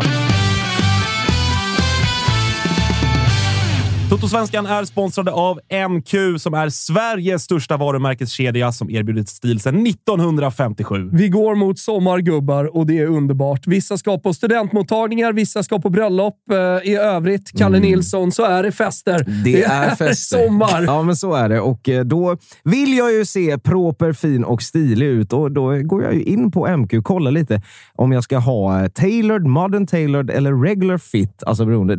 Jag vet inte. Man måste in och testa lite olika man får gå stilar. in där, och va? testa lite. Klart är att Blecks nya kollektion är uppdaterade kostymer i skönt stretchig ullmix. Och i deras nysläppta vårkollektion hittar man också sportigt dressade plagg i avslappnad linnekvalitet som håller eh, Spångberg välklädd hela vägen till sensommaren, eller hur? Jajamän. Vi har dessutom en kod, Thomas. Eh, rabattkod 20% gäller på MQs egna varumärken såsom Bondelid, Bläck, Dobber. Toto20 anger man, när man när man handlar, så, så får man 20 rabatt på de varumärkena. Och det gäller fram till den 26 april, så det gäller att passa på nu och uppdatera garderoben, Kalle. Så är det och jag noterar verkligen att det är 26. Det är alltså dagen efter löning. In på MQ, använd koden TOTO20 och fyll på sommarförrådet helt enkelt. Pinpoint, Oxford eller Twill, med eller utan stretch. Variera stilen med skjortor i olika strukturer. Väl mellan regular och cutaway-krage. Matcha med slipsfluga, näsduk samt ett par stiliga manschettknappar. Glöm inte bort sneakerstvätten vet jag att du gillar nu när det är vår, eh, August. Ja, verkligen. Det är, eh, finns i alla MQ-butiker. Där kan man lämna in sina kanske lite sådär vinterskitiga sneakers och få dem som nya. Så att, eh, testa på det. Glöm inte bort, koden är TOTO20 gäller till den 26 i fjärde. Stort tack till MQ som är med och sponsrar. Totosvenskan. Vad jag skulle säga var att det, här, det, är ett uppenbart problem kring den här spelaren och hans liv och leverne utanför fotbollsplanen. Om det har gått till den här punkten att det krävdes att han skulle ha 1,3 promille i kroppen, sätta sig i bilen och gud förbjude sätta, utsätta andra människor för fara. Då är det väl någonting som klubben kanske borde agerat på tidigare på ett annat sätt. Förstår ni vad jag menar? Att det är det här Alltså, Peña har inte gått från att vara ett fullblodsproffs 24-7 som aldrig ens har tittat på en bärs till att ha 1,3 promille i kroppen och välja att Ah, sätta nej, nej, såklart inte. Det är det jag menar. Så att där, kan- om, vi, om man ska ansvars, ansvarsutkräva klubben någonstans tidigare så är det väl fortfarande under det här steget att ha lite mer koll på den och sätta större krav. Om det tvingades att dra till åtgärder tidigare, att jag vet inte om han är glad i att, att kröka eller festa på vardagar eller inte, inte sköta sig i det avseendet. Då måste det ju komma tidigare. Inte att det behöver gå så här långt. Ja, nej, och det är ju ett misslyckande i sig. Alltså att Sergio Peña en tisdag vid den här tiden sätter sig bakom ratten med 1,3 promille. Bara där är det ju ett misslyckande från klubbens sida också. Att en av spelarna i A-laget, en av de viktigaste spelarna i A-laget, beter sig på det här sättet. Bara det är ju inte bra, men jag tycker att saken har blivit värre. Alltså, misslyckandet blir större när Malmö FF som klubb sköter ärendet, eftermälet, på det här sättet. Jag tycker också att ett jävla problem i vårt sammanhang, supportersammanhanget, det blir ju... Jag förstår Malmö-supporterna nu, eh, att det blir en försvarsställning för hela Sverige är liksom ganska rörande överens om att en Malmö-spelare och Malmö har gjort fel här. Och då fattar jag att supporterna ska ut och försvara, för det blir så. Man är försvarställning, försvarsställning, det är min klubb, det handlar om allt det där. Men alla Malmö-supportrar vet ju egentligen också att både Peña och Malmö har gjort fel här. Det tror jag faktiskt och det märker jag på dig när du pratar Mm. också. Men man ska Och så var det även inför Norrköpingsmatchen. Ja, ja, när det här kom ut så var det ju faktiskt... Det är inte så att jag sitter och liksom kastar skit på alla som håller på Malmö FF här, utan det var ju också en debatt i Malmöled. Att så här, hur gör Mm. Ja. vi nu? Men Ska jag- han få spela? Och alla var inte överens om att så här, ja, men han borde nog stå över den här matchen. Men man, man, man cut som slack till supporterna som blir försvarsställning. Ja, för det, hade, det blir alla när det gäller ens egen klubb. Men jag och här, jag lider ju med dem. Jag Ja. hade inte velat vara i situationen där en av AIKs bästa spelare, när laget mår bra och när den här spelaren... Säg, säg att det här hade hänt John Guidetti. Han har Mm. ju lite liknande, inga jämförelser i övrigt, men har haft det lite struligt. Skademässigt och inte kommit i form och allt vad fan det är. Säg att han väl kommer igång och börjar göra mål och så kommer den här. Det är klart att det hade varit pissjobbigt och bara vänta Mm. nu. Äntligen spelar Peña fotboll så som vi vet att han kan spela fotboll. Och så kommer den här rubriken. Det är klart att jag fattar alla Malmö-supportrar som också blir så här. Mm. Fett jobbigt ärende. Onödigt framförallt. Ja, men och alltså- djupt sorgligt att det ska behöva gå så till den punkten. Verkligen. Samtidigt, om vi bara tittar på det sportsliga, ska vi slänga in raketforskarna där också? Men eh, vad heter det? Om man, Nej, men det är tydligt. Det är Greger Bigga skriver i chatten. Fan vad seriöst det blev. Kan vi inte ringa Martinsson? Är det här första... Det var väl premiär i vår eh, pappapodden i veckan, men är det premiären då av dansk-italienska etisk-moraliska tuttosvenskan idag? Ja, ja, så kan det den, bli. den ska vi inte kopiera. Det kan bli frostig stämning på kontoret så vi lämnar det. Fan, eh, jag kom av mig. Men eh, att, som sagt, djupt sorgligt att det har gått så långt, men också att, hur ska jag säga, skitsamma. Det, det, det sprack. Jag blir helt distraherad av dem där borta. För, förlåt, det, jag lägger mig platt här. Men vi, eh, vi, vi olika det. åsikter, vi, helt klart. Ja, fast ändå inte jättemycket olika det är åsikter. det jag menar. Olika infallsvinklar. Ja, men precis. Men jag tror att alla vi är rörande överens om att Malmös eh, kommunikation kring detta borde ha varit bättre. I, I rent liksom crowd-pleasing-syfte, absolut. Ja, exakt. Mm. Och det är, väl, det är väl ett ganska bra läge att vinna lite signalpolitiska poäng. Ja. Absolut. Eh, hörni, vi har sex minuter kvar. Vill ni höra eh, fem och en halv minuts sågning utav Gnaget? Ja. Ja, Jättegärna. det är mer Innan vi gör det så vill jag bara säga ett stort eh, tack till Simor. Ni vet ju att ni ser alla sändningar från Discovery Plus och Allsvenskan och Superettan med ert simor abonnemang In och lös ett sådant pronto. Jag kollar inte på Robinson, men jag har eh, nåtts av uppgifter att det börjar dra ihop sig där borta på öarna, där de håller på att spela in det. Eh, väldigt många som gillar att titta på det. Det ser man också med eh, sitt eh, simor abonnemang Så att jag rekommenderar alla att gå in och skaffa ett sånt omedelbart. Ja, när man har skaffat det och kollat på de allsvenska matcherna och känner lite så, eh, fan nu vill jag in och lägga ett tipp. Eh, då gör man ju det på ATG, som också ser till att vi kan göra Tuttosvenskan. Vi kör ju Tuttotrippen varje helg, som jag ansvarar över. Och I helgen smackade man in den till 5.30, någonstans där, för de som, de som ryggade. Smart gjort, eftersom det är, jag är ju något av en professor där. Eh, kommer, kommer, en, kommer en ny redan till helgen där vi hittat ett jävla fint odds på Halmstad till exempel. Och, och lite sådär. Så in på atg.se tutto så hittar ni det och våra andels, andelsspel till Big Nine. Det jag ju misslyckades med att lämna in i helgen för jag har inte fattat hur man gjorde, men nu har jag fått lära mig det. Eh, så gå in på Professorn. ATG. Professorn, just det. Ja, men jag är ingen professor på tekniken, bara på spel fattar jag. Eh, ATG.se går ni in och spelar. Om ni har minsta lilla problem så skit i det och gå till stödlinjen.se istället. Och ni måste vara 18 år gamla för att spela. Hatar ju inte att eh, en minut av min AIK-sågning gick till annat. Ska vi prata om någonting annat eller var det några andra? Fan vad man har börjat älska att lyssna på Testa Stör. Alltså. Jag gör det på mina powerwalks nu.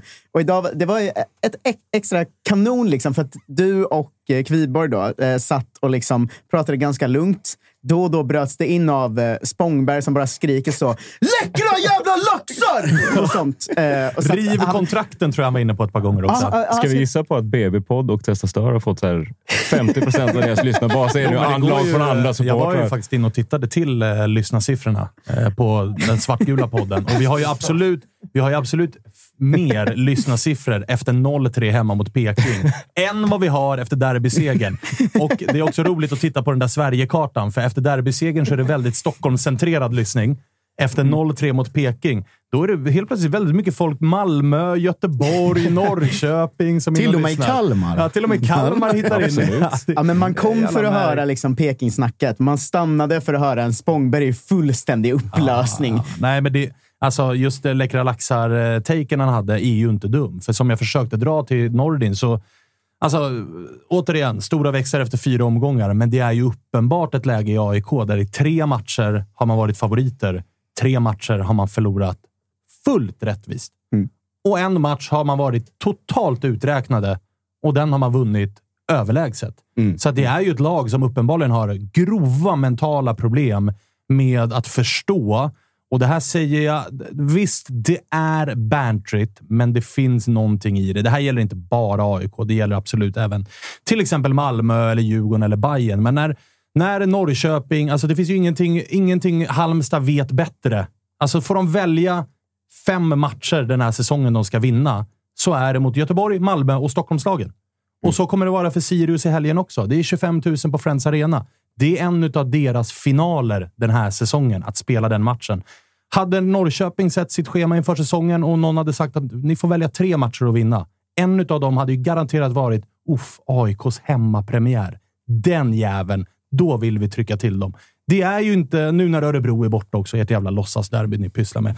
Eh, så Det är ju de som matchen. pysslar med det. Vi ja, men du fattar vad jag menar. Ja. Det, det, jag tror, och så här, frågar man Arnor Sigurdsson, vilka vill du helst slå? Ja, Stockholmslagen nämns ju tidigt. Mm. Det AIK-spelarna inte verkar förstå, det är just den parametern. De går ut och tror att så här, oj jävlar, fan jag har ett AIK-märke på bröstet. Då kommer jag nog vinna den här autom- matchen automatiskt. Ja, för att jag spelar ju Mm. i AIK. Nu möter vi ju Värnamo. Problemet är väl att ni har spelare som kollar mer på sin fade än på sitt märke. Ja, Ja, så också. är det ju. Men Eller är- de tittar ju på märket och tror att märket ska göra jobbet åt dem. Mm. Det är ju liksom det som är det stora problemet här. Känns det inte lite... Ja, förlåt, Nej, Josef. säg, säg, säg. Eh, för känns det inte lite som att eh, eh, Värnamo var det laget som gynnades av att matchen flyttades till konstgräs?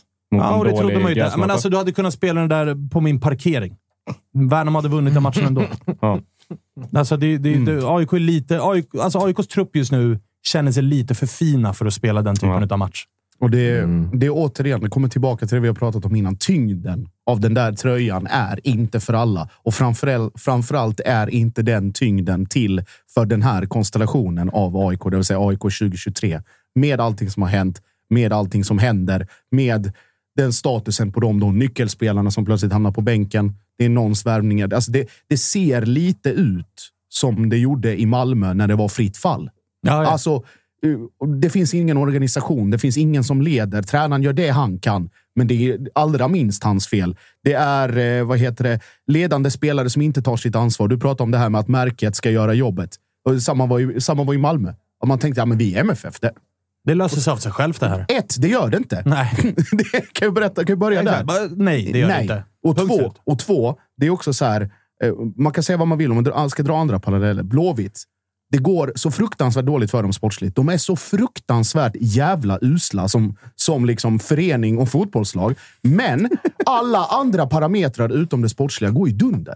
Det är publikåterväxt. Det är liksom rekord på rekord på rekord. Och det är lojalitet och det är liksom... Ja, det är helt sjukt. AIK sålde ju, alltså, kvällen efter Värnamo borta sålde AIK 600 nya biljetter. Alltså, Alltså vilka förstår du? dårar går in och köper då? Förstår du? Och det, och det är också... Det är alla andra supportrar. Nej, jag vet inte. ska se misären live. Nej, men alltså, ju- just den tyngden och den kraften som finns i de här liksom, historiska, anrika föreningarna med den grejen. Att spelarna pallar inte pressen, men supportrarna gör ju inte pressen i det här sportsliga läget värre än vad den behöver vara. Jag har sett, alltså, vi kan skratta åt Agges utbrott och att han säger att vi ska riva kontraktet och att folk ligger läckra på plan, Twitter och andra sociala plattformar. Men att, att det är liksom, det är en person av, liksom, det, det är fortfarande det här outgrundliga stödet. Det är inga kvartssamtal, det är inget gapande. Det är liksom slentriangnäll på att AIK är dåliga och på att så här, men fan, ryck upp er. Alltså, det har inte, pendeln har inte svängt åt det hållet än, än att folk står och kräver att de ska lavettas inför liksom, öppen ridå. Nu bet det, nu bet det Sotte i röven när han skrek det här med vi vill se AIK. Alltså, Ja, du, måste ju, du måste ju binda ihop i alla fall två bra prestationer innan du kan leka, alltså, leka läcker på, med megafon eller på Twitter eller på andra sociala plattformar. Men eh, förstår du vad jag menar? Alltså, Ja, ja, jag publiks-. Det måste kapitaliseras på ett bättre sätt. Det måste komma, alltså, spelarna måste ta ett ännu större ansvar, inte bara sportsligt, men även med den interaktionen med sådana som liksom ge, kanaliserar ett positivt stöd. Ja. Blå, Blåvitt, Blåvitt ska tacka gudarna för att det ser ut så som det gör. Ni är fortfarande i det läget att... Men man vet också med AIK. Ni alla vet det. Vi, vi vet alla i studion. När pendeln har svängt, då svänger den. Då svänger det. Ja, det var det jag tänkte fråga om. Vänta, Kalle vill Ja, in jag här. ska bara- jag Låt ska bara- han nej, komma på in. Han har tal velat om- in i en kvart. Ja, på tal om att det liksom går bra och dåligt kapitalisera sig, så är det många som undrar så här, hur bra går det för dig Svanemar? Det kan vi ju tydliggöra nu då, att du, det går så pass bra så att du har en parkeringsplats hemma stor som en 11 fotbollsplan helt enkelt. Kan varken bekräfta eller dementera. Nej, men det det, möj- möjligheter till bollspel finns. Men det jag tänkte fråga om var Brännström, för vi alla vet hur det funkar i AIK. Vi alla vet hur den publiken funkar om det går dåligt. Det, är ingen, det är ingen så uh, vi tror på processen-publik direkt. Va? Eh, där. Vad menar du? Tror du att Brännström out-skriken skulle börja komma om det fortsätter så här några omgångar till? Alltså, som det är nu så pågår det ju någon form av blame game i AIK. Att så här, är det truppen? Är det Manuel Lindberg som har värvat truppen? Är det tränaren som eh, vi trodde var bra, men som inte var bra? Jag är ju jävligt trygg i eh, Brännanbåten. Men det Alltså, ute och medialt huggs extrem- lite mellan honom och stjärnor och sånt. Det är ett ganska te- ty- tidigt tecken på när det börjar gå snett ju, ofta. Ja, och där tror jag att AIK är det. Alltså med tanke på att de stjärnorna det huggs mellan är en dansk på lån. Rätt mycket lättare och jävligt mycket billigare att göra sig av med än en tränare på ett treårskontrakt. Mm. Och Jimmy Durmas, där jag tror att det snarare är... Eller så här, jag uppfattar det inte direkt som hugg däremellan. Utan det här med långsamhet var ju snarare en passning till eh, Fischer. Mm. Och med Jimmy Durmas fall så har det egentligen bara att göra med sportlig prestation. Mm. Alltså det Brännan säger att vill du spela matcher så får du ju faktiskt vara bra. Det är inte så att Jimmy Durmaz har suttit på bänken sedan han kom till AIK. Utan han har ju faktiskt spelat och han har faktiskt varit pisskass. Mm. Så då är det rätt rimligt att han sitter på bänken. Nu gjorde inte Robin Tii någon jätteprestation, eller ingen gjorde ju det, så att det finns väl all anledning att tro att Jimmy Durmaz får sin chans mot Sirius. Och då är det väl upp till bevis då. Men mot Peking var han ju sämst på plan. Mm. Ska Så vi att det är inte så att Jimmy Durmaz kommer med några som helst mandat att säga liksom, titta på mig. För Nej. att än så länge så har vi sett dig och än så länge har vi blivit extremt besvikna. Han ska inte leka läcker än. Inte Eh, på men- några plattformar överhuvudtaget. Men ska vi säga att det finns en lösning? Att ni har väl vunnit alla matcher när det stått en dude med melon på huvudet på läktaren? Han, eh, William, han ska ju tillbaka nu. Årskort på honom. Pronto. Undrar vad det blir för frukt den här gången bara. Nej, det är 100, alltså, du måste ju gå på ett beprövat recept. Det måste ju vara melonen tills något annat händer. Ja, Alltså melonen var ju så stor med att han kan ju liksom inte gå och, Han kan ju inte ta någon annan frukt. Det ska bli så fårigt ut. Det måste vara ett äpple på huvudet. Alltså, det men måste ändå vara melon. Lite, lite nice. Och så blir det kvällstidningsrubriker sen. Eh, melonmannen bakom AIKs succévändning. Ja, Klart i natt. Succé Klart i natt. Ja, och succé-fade. Ja. Crisp. Otrolig, otrolig. Eh, nej, men eh, jag, jag hör dig, Tapper. Eh, för det är klart att skulle AIK misslyckas med att vinna, alltså kommande två matcher är ju Sirius hemma, Mjällby borta. Sen kommer Göteborg, Djurgården, Malmö lite där, va? Ja, exakt. Alltså, det- det, det- är ju, det är ju fundamentala poäng på spel i kommande två matcher. Och det är klart att löser vi inte det så kommer ju alla, precis som alla nu, får sin beskärda jävla, jävla del av eh, bajskakan som kastas runt bland, bland alla oss aik just nu. Men jag lägger faktiskt, av det jag sett hittills, så lägger jag absolut störst skuld på eh, August Spångberg. August Spångberg först, alltid.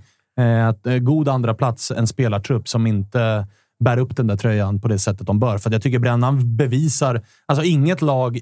Sen Marti kom till Bayern har ju inget lag fått Bayern att se så dåliga ut i två matcher som Brännan har fått i de två senaste matcherna. Visst, Bayern vann cupderbyt, men Bayern står också efter det där cupderbyt. Både Walter, men också Marti och spelare och är så här...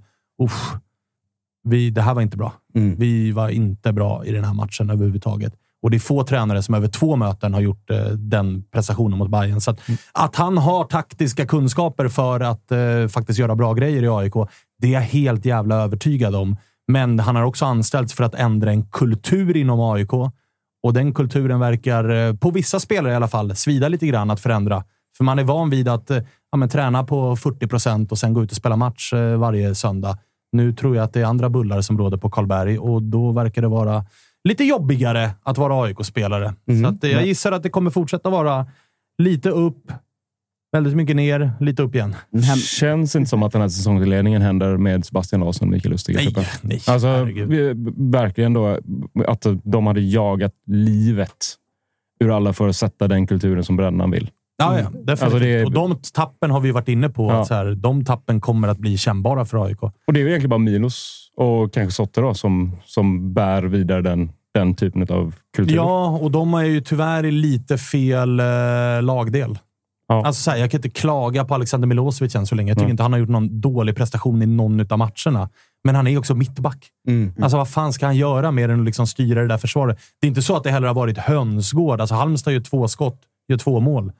Alltså, Värnamo, de matar in en del bollar och, och är liksom bättre spelmässigt, men det är inte så att det är det är inte så att man kan peka ut att mittlåset är ett haveri. Alltså det, det är inte där det faller, utan det är ju någonting annat. Men det är ett AIK där det just nu är svårt att sätta fingret på exakt vad fan problemet är. Liksom. Mm, återigen, alltså MFF efter Milošić, stöd av spelartruppen, någon, någon annans beslut att sparka och sen fullständig mental utcheckning på från bänkvärmare till ledande spelare. Och AIK ska passa sig väldigt noga för att inte hamna i exakt samma sits. Och då, och då är ju kanske då lösningen att fortsätta på det här spåret att presterar du inte eller vill du snacka? Där, läktaren, bänk. Ja, det hoppas Så. jag också. Och så är det, ju, det är ju den inslagna vägen. Jag hoppas att det fortsätter på den vägen. Inte resultatmässigt, men kulturmässigt så ska det inte räcka med att ha ett ballt efternamn och ett fint CV för att få starta fotbollsmatcher. Även om det också är fundamentalt för AIK att de spelarna som har ett ballt efternamn och ett bra CV också lever upp till det. För det är nog den enda lösningen, men då behöver de inse det själva. Eh, sen är jag helt eller Det ska bli jävligt intressant att se AIK i sommar med en ny sportchef på plats. Där jag hoppas att det kommer lite lite stöd ifrån styrelsens plånbok så att den sportchefen har mandat att göra saker som eh, den tidigare tillförordnade sportchefen eh, uppenbarligen misslyckades med. Mm. För det behövs. Mm. Det är mycket som behövs i AIK. Framförallt fortsätta på den resultatmässigt inslagna vägen. Nej, framförallt ändra den omedelbart med start med redan lördag. Raka spåret mot fler nollpoäng. Oj, lilla lördagsmatchen. Vet du vad? Det kvittar om det blir noll poäng, för det är total utskjutning som råder. Sen kom jag på att vi också är inne i någon form av fem veckors diet-race, så det blir väl uppenbart en pinne då. Finns det inga cheat days? finns inga, finns inga regler utan undantag, Svanen. Du vet. Sant, Nej, och det är total, sant. Eh, total magi att eh, undertecknad också fredag, fredag eftermiddag efter jobb beger sig mot eh, Malmö, Valborgs eh, första majfirande och sen eh, Bayern hemma. Och Just blir det, du tar med kross. dig Kalle Råstedt till bilen. Så blir det. Fan, vilken bil alltså! Vilken duo. Josip Ladan och Kalle Råstedt i en liten, Framtung i en duo. liten Fiat Punto ner hela vägen till Malmö. Alltså. Vi har, kan avslöja att vi har Kalles hyrbil från Italien i Italien. Oh, eh, med oss. Pandan, ja. Pandan. Det är den som ska Det ta oss på den E6. eh, där man springer själv. Ja, Fred E4. Flinta-style. E4. Jajamän. Känner er båda och eh, över underspelet på antal korvstopp. Vet du vad det roliga var? Kalle Råstedt kom också in och var orolig över tiden för att han undrade hur mycket röker Josip? Jag sa att det är minst ett magg från Stockholm till Malmö. Så är det. Röker i bilen, va? Ja, givetvis. Snälla. Det var ju det jag sa till Kalle också. Oroa dig inte för stoppen. Det där löser han i bilen. Kalle, fråga. Kalle frågade vad har du för krav i bilen. Så jag att det måste finnas den här gamla cigvärmarknappen. Det måste liksom... Och handskfacket har väl alltid varit askkopp, eller? Ja, ja, gammalt.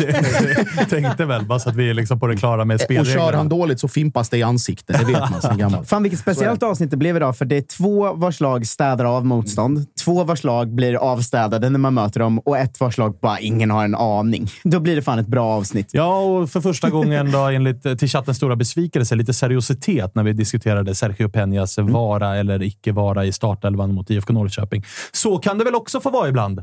Lite seriöst och Ja. lite högt och lite lågt Så och är det. allt eh, vad det är. Det var i alla fall ett nytt avsnitt av eh, Toto-svenskan. Vad är det för dag idag? Det är onsdag. Ingen Vi- aning.